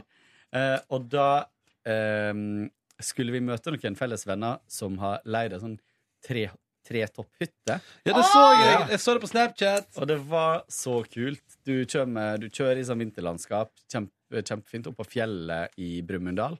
Uh, og der er det noen, som har, noen gründere som har starta en sånn hytte uh, hyttebonanza. Eh, som er jeg tror, fem hytter oppi, oppi tretoppene. Og den eh, vi dro til, var virkelig den fineste. Vi kjørte forbi de andre. Den ligger ute på ei bitte lita øy. eh, Som bare, det er lagt opp sånn, eh, bare sånn håndlaga bru ut, liksom. Bare planker. Og så tasser du utpå der, og så eh, er det stige som går litt sånn eh, rundt oppover, og så kommer du opp på et sånt platå. Og der er det uteplass. Vi hadde bål oppå der, og grillpølse og sånt. Eh, og, ja, det var sånn bål, at bålpanne. skal- Å, ja, okay. uh, og så innendørs er det liksom to etasjer. Det er do og dusj, og det er eh, soveplass og kjøkken. Og så i øverste etasje, som er på en måte en slags hems, med skrå, to skråtak, altså vanlig tak, uh, så er det er taket bytta ut med vindu. Så man ligger der og ser tretoppene oppover. tretoppene, ja. Dritkoselig. Jeg tenkte på det her og måtte vært fantastisk å dratt på seminar hit. Jeg har sjekka, eller jeg har jo eh, sendt linkene til sjefen vår ja. til de der eh, nettsida. Jeg sjekka faktisk ut, eh, Eh, ja, mange ut ganger.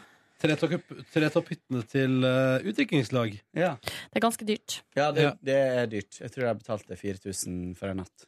Ja. Men der er plass til ganske mange, da. Og så er det ikke Det er dyrere i helgen, da. Det er ikke så dyrt Ja. eh, mandag til fredag, liksom. Mm. Så, eh, men det er drømmen min er å bo i sånn tretopphytte. Ja, det var- Tenk hvis man kunne hatt liksom i Frognerparken Bo i hytte i et tre. Ja. Var helt konge. Ja, Det var veldig, veldig kult. Hvor bor eh, du? Eller bra å være på en one night stand eh, på Kulturhuset på Youngstorget, liksom. Og så bare bli med deg hjem, og så bare opp i trehytte. Det sånn, Det veldig spesifikt. Hva, hva, hva, møttes på Kulturhuset. Det er fordi jeg nettopp har vært eh, med på en uh, singellivdiskusjon på Å, eh, Facebook Messenger-tråd. Ja, okay. Og der var det Kulturhuset som ble nevnt som det verste kjøttmarkedet i hele Norge. Kan vi ikke dra til deg, ja? Nei, jeg er trehytte, da. Nei Fatter'n det hjemme. Ja, det høres fint ut. Og så var vi der, vi var der bare en halvannen time, kanskje. Så begynte eh, ungene å bli litt uh, Lei av det. Sånn er det når man får seg unger. Uh, ja. Eh, og så dro vi derifra. eh, og så fant jeg ut, for da var jeg litt sånn usikker, skal jeg bli en natt til, eller skal jeg dra hjem? Og så er jo greia at de har to katter, to langhåra, kjempefine katter, men jeg er så allergisk, så jeg følte meg skikkelig dårlig. Kjente Nei. bare Nei, jeg har en del ting og yeah, Places to be, people to meet, så vi um, Der kjørte vi til toget. Og så dro jeg hjem igjen til uh, Oslo. Til storbyen, rett på cocktailbar. Boom, Nei, boom. nei ble, jeg tok, hadde en rolig, rolig, rolig dag hjemme. Uh, Ordna litt ting, fikk besøk. Um, lagde noe tacos. Um, og så på Spellemannsprisen. Spellemannprisen. Eh, så det var en rolig Favorittøyeblikk på Steff Selma. Hva sa du? Favorittøyeblikk på Spellemann. Jeg syns jo det var litt gøy avslutninger da med, med Tommy T og, Ja, det var cool. og greier. Eh, jeg fikk ikke Jeg slo på akkurat uh, idet Lars Vaular og Ingebjørg Bratland var, var Det var skikkelig fint. det må jeg Altså. se i rerun. Uh, Iallfall så uh, Søndag sto jeg opp og lagde bacon for første gang i min, eh, i min nye mikrobølgeovn. Nei, altså, jeg forstår ikke ja, den her Jo, det var, jo det, var, det, var, eh, det var skikkelig bra. Det ble så sprøtt og godt. Eh, så det er sånn panne inni som gjør at det blir eh, sprøtt. da Og det var Så det blei ble sprøtt? Mm. Så mikrobølgeovnen har evolusjonert seg? Mm. Oh. Har ikke minutter. trua på uh, mikrobølgeovn. Men det funka i alle Jeg syns det er interessant, Kåre. Jeg synes det Ja. er interessant. Jeg skal, dette vil jeg utforske nærere. Og så, eh, og så var tida moden for å dra på en visning. Eh, så da dro vi til Jeg hadde med meg en kompis, og så dro vi på visning rett bak NRK. Oi! Eh, oppe i veien her. Og det var altså en toppetasje med 14 kvadrat terrasse. Og panoramautsikt. over hele byen. Og Hva skal seriøst, den gå for å to to minutter fra jobb. Ja, hva er Så, eh, konklusjonen etter å ha vært på visning? Konklusjonen er at jeg kunne tenkt meg å bo der. Ja. Eh, men den er akkurat litt for høyt prisa. Jeg tror den vil gå litt for dyrt. Og jeg trenger Jeg kjenner at jeg trenger antagelig 200 000 til å eh, gjøre den sånn at jeg syns den er hyggelig å bo i. Blant annet måtte jeg gjort noe med kjøkkenet. Fy søren, du. Da er vi i gang igjen. Ja. Og, og så måtte jeg helsparkle veggene, for det var strie hallois. Men hva det her er toroms leilighet som er lagt uh, prisantyda til fire millioner, eller? Nei, tre, ja, tre-åtte Helt sjukt. Ja. Men er du skulle ha vært der og sett, altså. For du ser langt utover Oslofjorden. Og andre veien fra kjøkkenet så ser du Holmenkollen, og det er bare så utrolig deilig. Ja. Det var litt lavt under taket, men ellers veldig, veldig fin. Ja. Um, men nå er akkurat as we speak så ringer megleren meg. Eh, for, å, for nå er jo budrunden i gang. Ja. Så eh, vi får se, da. Um, Spennende. Jeg trives egentlig veldig godt der jeg bor, så jeg tror kanskje at jeg bare blir boende. Ja. Jeg er bare litt sånn rastløs. Og konklusjonen er Jeg trives egentlig best der jeg bor. Ja. Mm. Du har jo veldig fint kjøkken, da, Kåre. Ja da, jeg har fin leilighet i det hele tatt, så det blir bra. Mm. Um, ja. Ja. Det var egentlig uh, søndagen min. Skal jeg fortelle deg hva jeg har gjort på, eller? Ja. Ja. Jeg reiste jo til Trøndelag vet du, på torsdagen der i lag med Markus Neby. Oh. Ja, vi kom oss eh, altså skadefritt eh, til Trondheim, Ja. så det var jo helt episk. Eh, vi gikk ut og spiste en burger. Fader, den må jeg jo nesten vurdere å, å hive ut på mitt burgerbarometer. Det synes jeg. Ja, hvorfor har jeg ikke gjort det ennå? Tok du bilde av den, da? Ja, ja, ja, ja, ja. Jeg har helt glemt, fordi det var så mye som skjedde i helga. Jeg har helt glemt at jeg tok bilde av burger. Tok et par eh, øl. Eh, og så gikk vi på eh, prisutdeling i anledning Adresseavisen.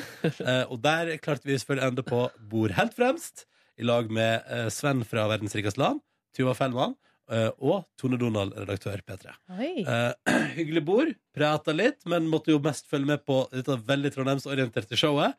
uh, som foregikk, og det var veldig spennende. Og det var altså så stas å vinne, må jeg få lov til å si. Så gøy. Var det mat? Uh, nei, det var snacks. Mm. Men vi hadde jo spist burger, vet du. Ja. Mm, mm. Så vi klarte oss, vi jeg og Markus Neby klarte oss veldig fint. Og når prisutdelinga var ferdig, da kunne min kjæreste informere om at eh, Mathias Nylenda fra Verdens rikeste land var på vei til en eh, nærliggende uteplass og håpte vi kunne treffe han der for å ta et par øl. Og vi tenkte ja, ja, ja, ja, ja. Så da spaserte vi dit i eh, det uværet som var i ferd med å bygge seg opp, og tok et par øl, og det ble litt seint, faktisk. Det ble sent. Ja. jeg ble på en måte skuffet av hva klokkeslettet var da jeg dro, og håpet det skulle være tidligere på Ja. kvelden. Mm. Ja, samme her, på en måte. Mm. Når vi gikk hjem og la oss, er sånn, uffa meg, vi skal opp veldig tidlig i morgen i forhold til hvor sent det ble. Ikke så gale, altså. Men fredagen var veldig fin. Jeg og min kjæreste vratta innom Solsiden og kjøpte oss hver vår smoothie, som vi tok med oss når vi da skulle på radiokonferanse. Du må ikke glemme at vi spiste en liten burger. Ja, vi spiste eh, en natt. burger. Det ble mye burger i helga. Det skal være en stund til neste gang. Eh, for nå er burger overload i kroppen. Har du det? Ja, ja. Men uh, iallfall jeg og min kjære spiste, kjø- kjøpte smoothie til frokost, og det var deilig. Jeg fikk en med blåbær og ingefær, og den var helt konge, og jeg drakk den. Selv om den var jo med knuste isbiter, og det var minusgrader ute, så det ble litt kjølig vei bort til konferansestedet. Som jo tilfeldigvis viste seg å være ikke bare samme senter, rockeorientert museumssenter, men også samme sal som jeg og Markus var i på prisutdeling kvelden før. Oi. Nå skulle vi på programledelsesseminar. Det var bra dere var godt kjent, da. Ja, det var trygt. De lokale visste hvor doet var. Ja, Slapp å bruke energi på å være nervøs for rommet. Ja. Vi var ikke nervøse for rommet. Og det var spennende. Det var, først var det en brite som holdt foredrag i to timer. De to timene gikk fryktelig fort, Mm. syns jeg. Og han prata om hvordan være en god programleder. Og der fikk jeg mange spark i ræva, eh, og mange gode påminnelser og interessante tanker eh, fra en mann der. Og så var det lunsj, og den var veldig god. Enig? Eh, ja. Det var voldsomt koldpor. Ja. Det var veldig mye bra. Litt lang kø. Litt lang kø. Mm, mm. Det syns jeg ødela litt.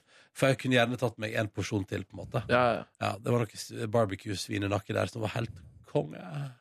Um, videre fortsetter programlederdagen med masse seminar og prater og ting og tang. Og når den var ferdig i firedrag der, så cruisa vi tilbake til samme uteplass som kvelden før, faktisk. For der var det tilbud på taco. Det var tross alt fredag. Så da spiste vi taco og drakk øl. Og hadde en meget hyggelig kveld. Og jeg prata med mange folk som ikke har pratet med på lenge. Det var jo veldig hyggelig. Jørn Kårstad var der. Han var i toppform. ja, det var hyggelig. Ja, og Christer Dahl var der. Han var jo også i toppform. Men han måtte gå litt tidlig, for han skulle flytte. Ja, han gikk litt tidlig. Eh, ellers resten gikk ikke så tidlig, syns jeg.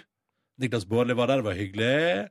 Og mange andre folk Vi P3. begynte så tidlig, så vi var ikke så sent i seng eh, Nei. den dagen. Men gud, jeg hadde fått i meg nok Å, ja da da, vi ja gikk i seng. Ja da, ja da. Eh, og jeg overtalte jo Markus til å bli til en øl til. Det var veldig hyggelig. Ja, sant det. Sant det. Ja, ja, ja. Og en burger etterpå. For ikke snakke om den. Dere vet å kose dere. Ja, vet Skal ikke stå på det. det er Taco, burger og Ja, det var en nydelig fredag. Det der. ingenting å si på kosestemninga. Hva syns du var hyggeligst der? Hva som var hyggelig? hyggelig? Eh, ja. Oi, det er vanskelig. Nei, jeg syns den fredagen med alle disse P3 Trondheim-folka som jeg altfor sjeldent uh, ser, og drikke øl med de, og, og slarve og prate, Ja, ja, det var veldig hyggelig. Ja, ja, ja, ja, ja. Og jeg, tok et, jeg syns jeg tok et veldig flott bilde av deg og Jan Helene, Markus. Ja, det gjorde det der, ja. ja, ja, ja. Det, det var jeg fornøyd med da der eh, i ettertid. Så det var gøy. Um, på lørdag da fikk jeg sove ute ei stund, og så tusla jeg og min kjæreste ut i byen. Først for å fikse denne skreddersydde buksa mi. Testa den på. Da tenkte jeg å, jeg kommer til å dø i denne buksa. For den er for stram. Eh, og så la, men så måtte vi legge opp litt bein og styre besten, og så var den good to go. Måtte du legge opp bein når den var skreddersydd? Ja, men det, ja, men det var litt for mye å gå på der. Så Ja, men da- gjorde ikke de det, da? jo, jo. Ja, de gjorde det. Ja, ja, ja. Altså, det var sånn, nei, her må vi ta et par centimeter til på beina. Hvor dyr er denne buksa her? Den er over 2000 kroner. Oi, oi, oi. Ja da, ja da. Ja da. Ja da, ja Du har Ja da. deg såpass, ja. Men vet du, hvis den her nå Altså, nå får vi se, da, tenker jeg, i løpet av de kommende ukene, hvis den sitter godt. Det som er kult, er at de har nå De har ehm, mine mål der oppe. Så jeg kan i teorien, bare hvis jeg syns den fungerer, så kan jeg bare ringe og si lag meg ei til. Ja. Det er Å litt ja, gøy. det er jo he- Og da kan du velge en annen farge, for eksempel. ja, ja, eller- et annet stoff. Ah. Jeg har fått det som, jeg har fått, nå har jeg fått det som er lettest, som tøyer seg lettest. Men kan jeg lage kosebukse? Eh, det tror ikke jeg kan. Men det, hvis det er denim, så kan jeg det. Skreddersydd kose. Det har vært et rått å få en ja, ja. Ja, ja, ja. Um, etter at vi var ferdig med det, så eh, begynte vi å spekulere i å handle inn til middag. Eh, for vi hadde store planer om å lage ei kylling- og chorizo-gryte som du finner på godt.no. Kan anbefale den på det aller sterkeste. Den var helt, helt nydelig, var den. Kykling? Ja, ja, ja. Og kykling og chorizo som bare står og putrer i over en time. Mm. Og det var så godt, og kyllingen falt fra hverandre. Eh, og det var helt sånn mm, det, var liksom, det var rødvin, og det var tomat, og det var chili og hvitløk, og det var helt perfekt. Hva hadde dere til? Du, til hadde vi søtpotetstappe, som min kjæreste fikk et innfall om å lage. Den var nydelig. Focaccia, som også min kjæreste fikk et innfall om å lage. Helt nydelig. Salat. Den gadd ikke jeg å bry meg om. Nei, nei. Eh, Men lagde du en chorizo? Var du med å bidra til å lage den? Eller var det Gryta, ja. Helt oppi og styrte litt og rørte litt og kosa meg. Å, du fikk helle og rire? Ja, ja, ja. Heller i det. Heller rire. Heller i det. Så Spellemannprisen mens dette pågikk. Drakk litt eh, av restene av den rødvinen som eh, ikke ble brukt i selve kraften. Nei. Ja, Men det som var eh, Fordi vi handla inn til den, og så eh, var vi innom en butikk der Tuva møtte på en bekjent eh, som sa eh, Tuva var nemlig pakket en ny bokhylle til sin leilighet, og sa du kan få låne en av oss. Eller lån eller få? Få. Eh, den står i boden, og kan jeg sendte den. Så da gikk vi til en plass i Trondheim som heter Svartlamoen, for å hente den. Og vet dere hva jeg møtte da? Hyggelig fugl. En cute dog? cute dog! Cute Ja! dog. Faen, hva, kan- hva vant jeg nå? Vant jeg noe? Nei, du vant heder og ære. Oh, Men dere, yes. på lørdag møtte jeg en finsk lapphund. Som jo har blitt foreslått Ja, av flere. Som, Mange som tipsa om den. ja. Å, fy faen, så søt den var. Og Og, den var så hyggelig. Og den var så gira på å hilse på meg. Og den hoppa opp og hilste på, og den var kvalp, så den prøvde også å bite litt. nei. Og det var så koselig! Hva sa du Jeg til holdt- den? Jeg sa hallo, og jeg holdt seriøst på å dø av glede. Den var så søt. Og der og da tenkte jeg det er kanskje en sånn en jeg skal ha.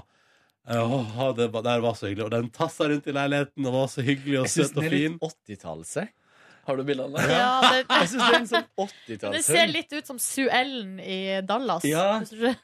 Den, litt, den sveisen. Litt sånn Ja. føna sveis. Og så kan den liksom hete Dolly. Eller Men veldig søt, da. Ah, fy faen, altså. Jeg det, fordi Den ser det, jeg, litt ut sett, som med en liten lassi. Jeg har sett på finsk lapphund på internett, uh, og jeg må si at den ser Den som jeg så, var cutere.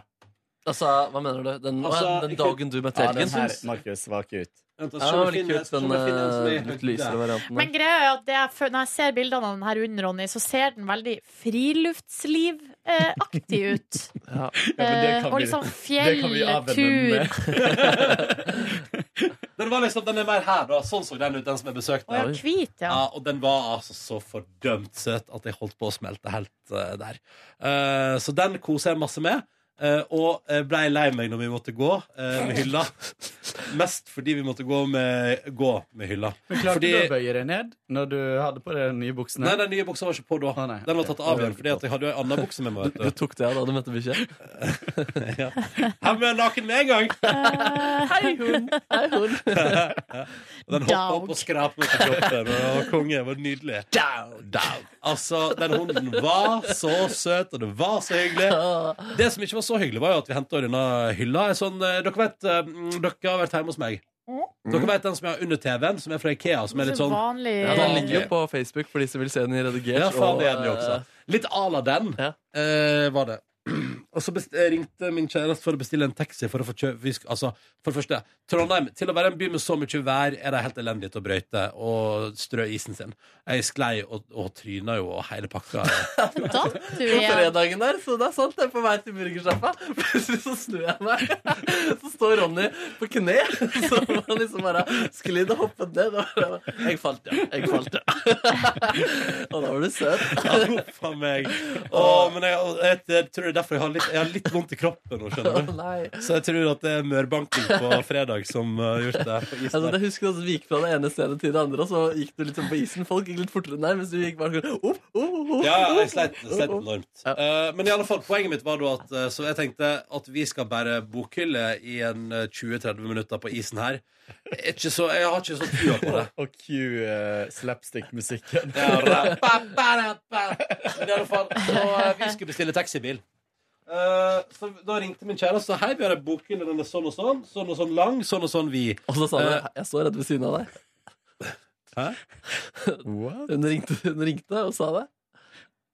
Du var ringt og Til sa taxien. Til Å, jeg sa det Ja, til taxi? ja. Ja, jeg sa det Ja, så er så det. der falt jo vitsen. Ja, faen. Fader, du må følge med for å Følg med, Markus. faen jeg føler ikke det Um, I alle fall, Nå skal jeg prøve å bli ferdig med dag, eller helga mi. Og Uansett. eh, og så kommer det da en taxi etter at vi har bestilt, og så hadde blant annet um, Og hun hadde sagt sånn Men kan dere bestille en taxi som dere bruker til å kjøre rullestolbrukere? Og så hadde de svart sånn Jo, men den bruker vi til å kjøre rullestolbrukere. ja, men kunne det vært billig å bestille en sånn? Eh, ja, det går vel an, det. Altså, det var liksom sånn sur service. Mm. Og så kommer sjåføren da i en sånn svær bil som har god plass til den hylla. Og så kommer han, og så sier min kjæreste Ja, vi skal ha med den hylla. Og så sier han sånn Ja, OK, jeg må bare snu styra på litt. Kom tilbake igjen. Så vi skal ha med den hylla. Det går ikke. Er ikke snakk om. Får ikke dere lov til. Så da Hvorfor ikke? Nei, så spør Er du sikker på det? Nei, går ikke. Så da ble vi sånn OK, nei, men greit, takk skal du ha. Da går vi. Så da gikk vi til bussen Åh, med hylla. eh, Og tok bussen med hylla, der det selvfølgelig var en fyr om bord som eh, sa 'jeg kjører buss sjøl'. Kan ikke ha den hylla stående i midtgangen. Tenk om det blir bråbrems. Så han kjefta litt på min kjæreste og meg. Så vi dytta den opp i et hjørne og styra på. Åh, det, var så mye, det var så mye folk som blanda seg. Og jeg tenkte sånn Wow, det å uh, hente Og så var det selvfølgelig idet vi gikk ut av bussen, sånn Nei, Nå skulle bare gått på Ikea, vet du. Mye enklere å bære med seg. Så det sånn Ja, så du er ikke for gjenbruk, nei. Uh, så jeg, jeg følte at liksom det at vi da uh, henta brukthylle og kjørte kollektivt med den, det syns folk var dritt Ja. i helga der. Skal ikke bry seg så mye om hva andre syns. En og en halv time senere når vi var kommet hjem, og hylla var begynt å bli lessa inn i, var rydda og fint, og begynt, uh, Tuva hadde satt inn masse ting i hylla og sånn, så ringer plutselig telefonen, og da er taxien utafor, klar for å hente oss. Ny taxi. En og en halv time senere. Og sånn, nei, du, vi har, eh, vi har vært der. Vi har kommet oss hjem igjen. Vi, det går bra. Uh, trenger ikke deg. Eh, så det var et rart eh, system. Eh, gryte, Spellemann, søndag, sov lenge, kosa oss, gikk på kafé. eh, hang med P3-kollega i Trondheim, drakk kaffe. Uh, Slappa av. Jeg flydde tilbake til Oslo, møtte Ulla Rafaelsen på flyplassen og på Oslo S. Så og The OC til klokka tre i natt. Har hatt oh, For ei helg! For ei helg! Hvem drakk du kaffe med av P3-mennesker? Eh, Maria Leila Leinberg. Maria Leila Det er da intern eh, Trondheims P3 Ikke humor, det bare er en intern greie at man synger Maria Laila Lindberg det har på den fått med faktisk. Jeg tenkte bare at Ronny var kreativ. Hun er the boss of P3 nå. Yes. Um, vil du dra ut det som du ikke har opplevd samme som meg, da, Markus Neby, i dette kaoset Det var gøy å oppleve Thor på fredag. Altså Ja. stormen, vinden. Da jeg gikk hjem og ble liksom dratt med vinden. Opplevde det som jeg var i en slags sånn drøm hvor du drømmer at du kan fly. Fordi Ja. sånn var det litt. Ja. Og det var isete i tillegg, så det var liksom Det var ordentlig sånn gøy. vroom Ja. Åpna armene, og så ble det dratt med vinden bortover. Ja, ja, ja. Oslo-gutt, Oslo-gutt, vet du, på Ja, tur. ja, men Kan man oppleve mye av sånt uh, nord, liksom? Yeah. Det er vanlig? yeah. Fy søren, det gleder jeg meg Kanskje til. ikke Det var jo ekstremvær. Ja, det var ekstremvær. Ja. Ja, men det var i hvert fall stas, det. På lørdagen så fikk jeg besøk av to gode kompiser. Jonas og Marco heter de to. Og vi hadde stil... Jonas og Marco. Og vi så på en eh, Steely Dan-konsert i min eh, stue. Det var eh, planlagt en uke i forveien. Jeg hadde lagd noen chili con carne som vi kunne kose til i tillegg. Så vi koste til den. og så så vi konserten. Fridde alle forventninger Inn. inn. Du sier du sier det mye rart, Ja, jeg sier det mye rart at det var lov på en mandag. Men det skulle ikke Anders Lønland komme også? Nei, det var litt sånn uh, Hvem er det igjen? Er Stiller jeg retorisk spørsmål for lytterens glede? Mm. Det er ikke et retorisk spørsmål. Jeg vet ikke hva retorisk spørsmål betyr, men jeg prøvde meg Ja. på noe Jeg ble usikker, jeg glemmer det. Kan ikke du bare si det? Eh, altså, hva han, er, han er produsent i Ramona og Siggen. ja, det var det. Nei, han kom ikke. Det hadde vært hyggelig om han kom, da. Men han, eh, han kunne ikke, rett og slett. Ja, for du inviterte han jo på kontoret her om dagen. Ja, eller, ja, du kan komme. Ja, det var litt sånn Ja, Ja, Eh, ja, ja, du kan komme. Så kanskje han ikke følte at han var så velkommen. Han hadde, ikke, han hadde ikke signert under på traktaten traktaten som Hvem er han igjen? Hæ? Du, du husker ikke engang hvem han er? Du har liksom bare Ja, ja. Du forholder deg ikke til den i dag. ingenting. Men eh, kan jeg bare spørre om det? Altså eh, Ja, dere så stil i den, men ikke Spellemann, altså? Nei, vi skal ikke spille med Nei. Nei, nei, nei. Angrer du på det i ettertid? nei, absolutt ikke. Nei? Jeg tror jeg begynte å se den da jeg la meg i sengen. Så Knut Reiersro, min gode venn, motta en eh, pros. Du faen, var, var det ikke noe på lørdag du var på Bluesasylet? Nei, nei, nei. Det var, Det var lørdag forrige. forrige lørdag. Å ja. Fikk du noen respons på det, eller? Jeg fikk en god respons, faktisk. Hva fikk du respons da? Eh, dyrk bluesgitaren Neby. Og så hadde fatter'n og mutter'n fått mye, mye respons, da. Ja, ok, Så de har venner som hører på Bluesasylet? Ja, også Ruben. P3-Ruben. Å, er det sant? Ja, han la til og med ut på My Story. Jøss, yes, skrev han der. Og han er veldig Knut Borge-fan, så vi har bonda litt om det. Han kom innom kontorlandskapet her forrige uke. Han kom innom kun for å møte deg og bonde han. Stemmer, stemmer. Ja, ja. Så ja, han uh, syntes det var gøy å høre på. Han sa han ble stolt, eh, til og med. Og det syns jeg er hyggelig å høre fra Ruben Gran. Ja, ja, ja, så bra at han ble det. Ja, Det er en stund til eh, eh, programmet sendes i sin helhet, eller min opptreden er i sin helhet. Men eh, jeg vet ikke om jeg kommer til å si mer ifra, jeg. Men uh, følg nå med. Noe fra. Følg nå med. På søndagen, en uh, mørk, eh, vanlig søndag hvor du har hatt tre morsomme kvelder etter hverandre.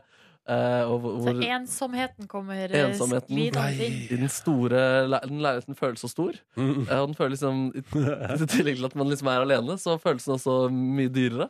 Så det føles litt sånn bittert i tillegg. Og så blir det mer og mer rotete, fordi eh, nå bor jeg alene og kan leve det livet. Mm. Eh, så det var litt vondt å ta inn over seg det. Lese boka til eh, Tabu med Abu. Har Han gitt et bok. ja. Ja, ja, Fra en, en reise fra å være en vanlig norsk-pakistansk nerd til å vinne årets gjennombrudd på Komiprisen. Men hvor er han for tida? Det lurer jeg også på, egentlig. Ja. Det er sikkert utviklet ennå, da. Ja, det, ja, det, ja. Og så tror jeg så på den andre greia også. Fulgte litt med på håndballgreiene. Uh, uten å følge ordentlig med på det. Litt innom huskestue. Jeg var hos foreldrene mine på Vinneren og spiste, spiste middagen der, da. Ja, så denne veka så du på Ja, fader, jeg Ja, det stemmer. Det stemmer. Jeg, jeg skal Vet ut hva, sjekke ut jeg prøvde å se Huskestue på TV2 Sumo, Ronny, men jeg ble altså kasta ut etter ni minutter hver gang. Så da til slutt så tenkte jeg Nei, nå gidder jeg faen ikke mer. Nei. Ah, ja. Men jeg lurer på hva, om det var noen andre som da drev og så Altså, var det det som skjedde? ja, det var det sikkert, da. En klassisk eh, kamp om domenesituasjon ja, Det skjer jo det. Hvis, hvis to i redaksjonen prøver samtidig, så blir du kasta ut, ja. Jeg tror Jeg vet kanskje ikke, jeg var, jeg var iallfall innom eh, her en tur. eh, Jeg var jo og så Idol her om dagen. Og da ble du kasta ut? Nei, Nei, nei, nei. Men hvis ja, det må det ha vært det som skjedde. For greia var at jeg gikk inn, og så så jeg og var fornøyd. Ja, og der er Ronny, nå er vi i gang. Og så bare nei, ut. Og Og det- jeg, fikk, jeg fikk den første tilbakemeldinga på det i går, faktisk. For Oi. da hadde det gått på reprise på dagen, og Ulla hadde sett på og sa at jeg var flink. Og da ble jeg glad. Yes, det Ja. Nei, det var i hvert fall min eh, søndag, da. Jeg skal se, jeg skal se den episoden der, Ronny. Jeg skal se den episoden. ja, Vi må videre. Ja, vi, egentlig, vi, så må vi gi oss ja, Vi har ikke fått den musikken ennå uansett. Men eh, Men, men OK. ja, jeg har sendt mail. Men fortell om det, deg, da, Nordnes. Ehm, jo, det har vært eh, innholdsrike dager. Gjort mye forskjellig. Var på torsdag på et eh, ekstremismeforedrag på Litteraturhuset. Oi, oi, oi! Boom! Eh, det var rare greier. eh, interessant, for all del. Litt artig å observere at han forfatteren som har skrevet i bok om ek- ekstremisme, har groupies. Altså en gjeng med eh, fans, liksom. Jøss Som på en måte satt bakerst i lokalet og var sånn Woo! Yeah! Ha, ha, ha! Og lo av alle vitsene. Og, What? ja, det var veldig Hvem var det? Jeg husker ikke Anders Løland. Nei, jeg husker ikke hva han Christian et eller annet. Ja. Nei, jeg husker ikke hva han forfatteren het, men han har i hvert fall gitt ut ei bok om eh, ekstremisme. Ja. På fredag så var jeg på dagtidskino og så The Revenant klokka kvart over tolv. Eh, søren. det var jo veldig Hvem bra. med? Med min kjæreste. Oh, love, love, love, love. Terning, jeg vil si kanskje terningkast fem, liksom. Eller fire pluss. Ja. Men på filmen, da? Eh. Eh, bra film fra all del. Lang. Den er lang, og du får en sånn slags følelse av at det bare Altså hva den mannen skal gå igjennom. Hver gang man liksom tenker at eh, det går bra, så skjer det noe dritt. Eh, det er liksom bare Men fine bilder og bare Ja, bra, bra film. Og så var jeg på kvelden der, så var jeg sammen med mamma på Nationaltheatret og så Fortrolige samtaler. Oi, oi, oi. Jeg har vært utro! Å nei! Thomas og Henrik. Altså bare sånn megadramatisk. Og hva med mitt forhold til Gud? Gud dømmer meg. Altså, Satt du og lo under forestillingen? Nei, ja, det var litt humor når Bjørn Skagestad noen ganger var en sånn Han var, han var en prest som heter Jakob. Ikke døm meg, Jakob!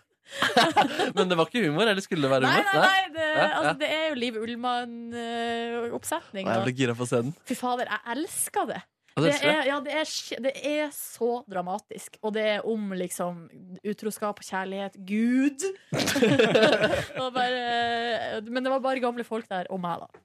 Men jeg drakk masse vin. ja. Du koser deg der, du, Ja. så jeg kosa meg gløgg i hjel. Det var julegave til meg, til meg. til mamma fra meg. På lørdagen så eh, for vi og surra rundt i byen i lag med hun mamma og tanta mi og søskenbarn og eh, med forskjellig. Å gud, en hel gjeng. Ja, Tok vi dere var- lunsjen på Egon på Byporten? Nei, altså Vi var en gjeng på tur, og det var faktisk litt slitsomt. Men eh, Og så var vi på mathallen og skulle spise der. Oh. Og det, også, det var også litt slitsomt, fordi det var sjukt mye folk. Og vi gikk liksom kanskje tre runder rundt liksom, før vi endelig fant et bord. Og du vet, når man står sånn som en hauk over et nylig dødt dyr Når noen, du ser at noen begynner å ta på seg jakka, så er det bare å stille seg over bordet der med sånn og bare signalisere at det her er mitt. Her skal vi, her skal vi. Her, ja, for da, det var beinhard kamp om bordet. Da. Men når vi endelig hadde fått et bord, så satt vi der i timevis. Drakk hvitvin og spiste pai, og det var ikke måte på. Så dette døde dyret var bare en sånn metafor, ikke sant? En metafor på Ja. at vi ville ha det, det bordet. ja. Ja. Ja. Mm. Dere ville være Det kunne vært døde dyr på mathallen som lå på et bord. på en måte Det kan skje. Det kan skje. Og folk sirkler rundt som sånn åtseleter. Og, Ja. Den grisen er min. Ja. Nei, det var ikke helt sånn. Uh, og så på kvelden så altså, jeg shoppa litt. Jeg og mamma var og shoppa. Vi var veldig sånn Ja, nå skal vi gå hjem. Og så var det sånn Vi må gå, gå inn her. Og Ja. så, sånn holdt vi på, da. Helt til hele dagen var over. Ja.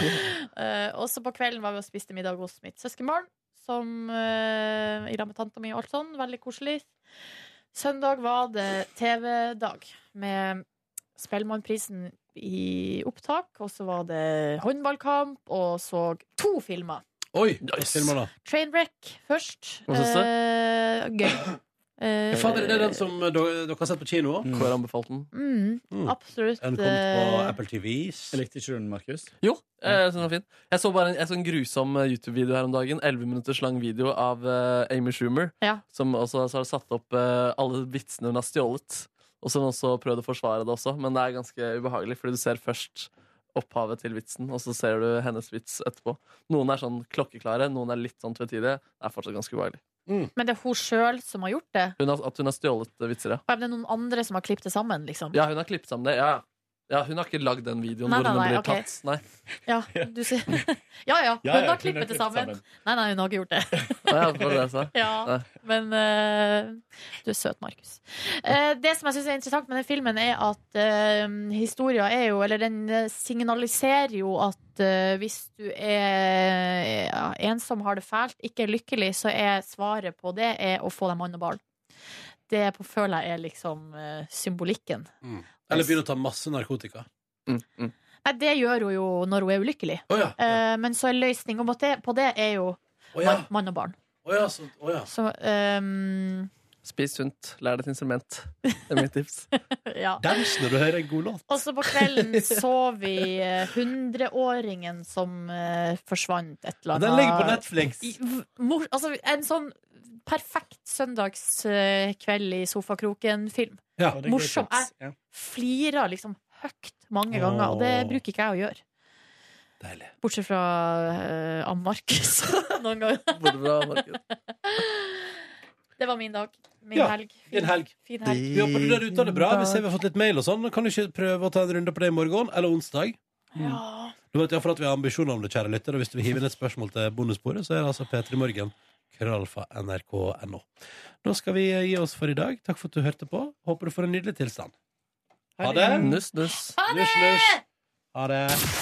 Hør flere podkaster på nrk.no podkast.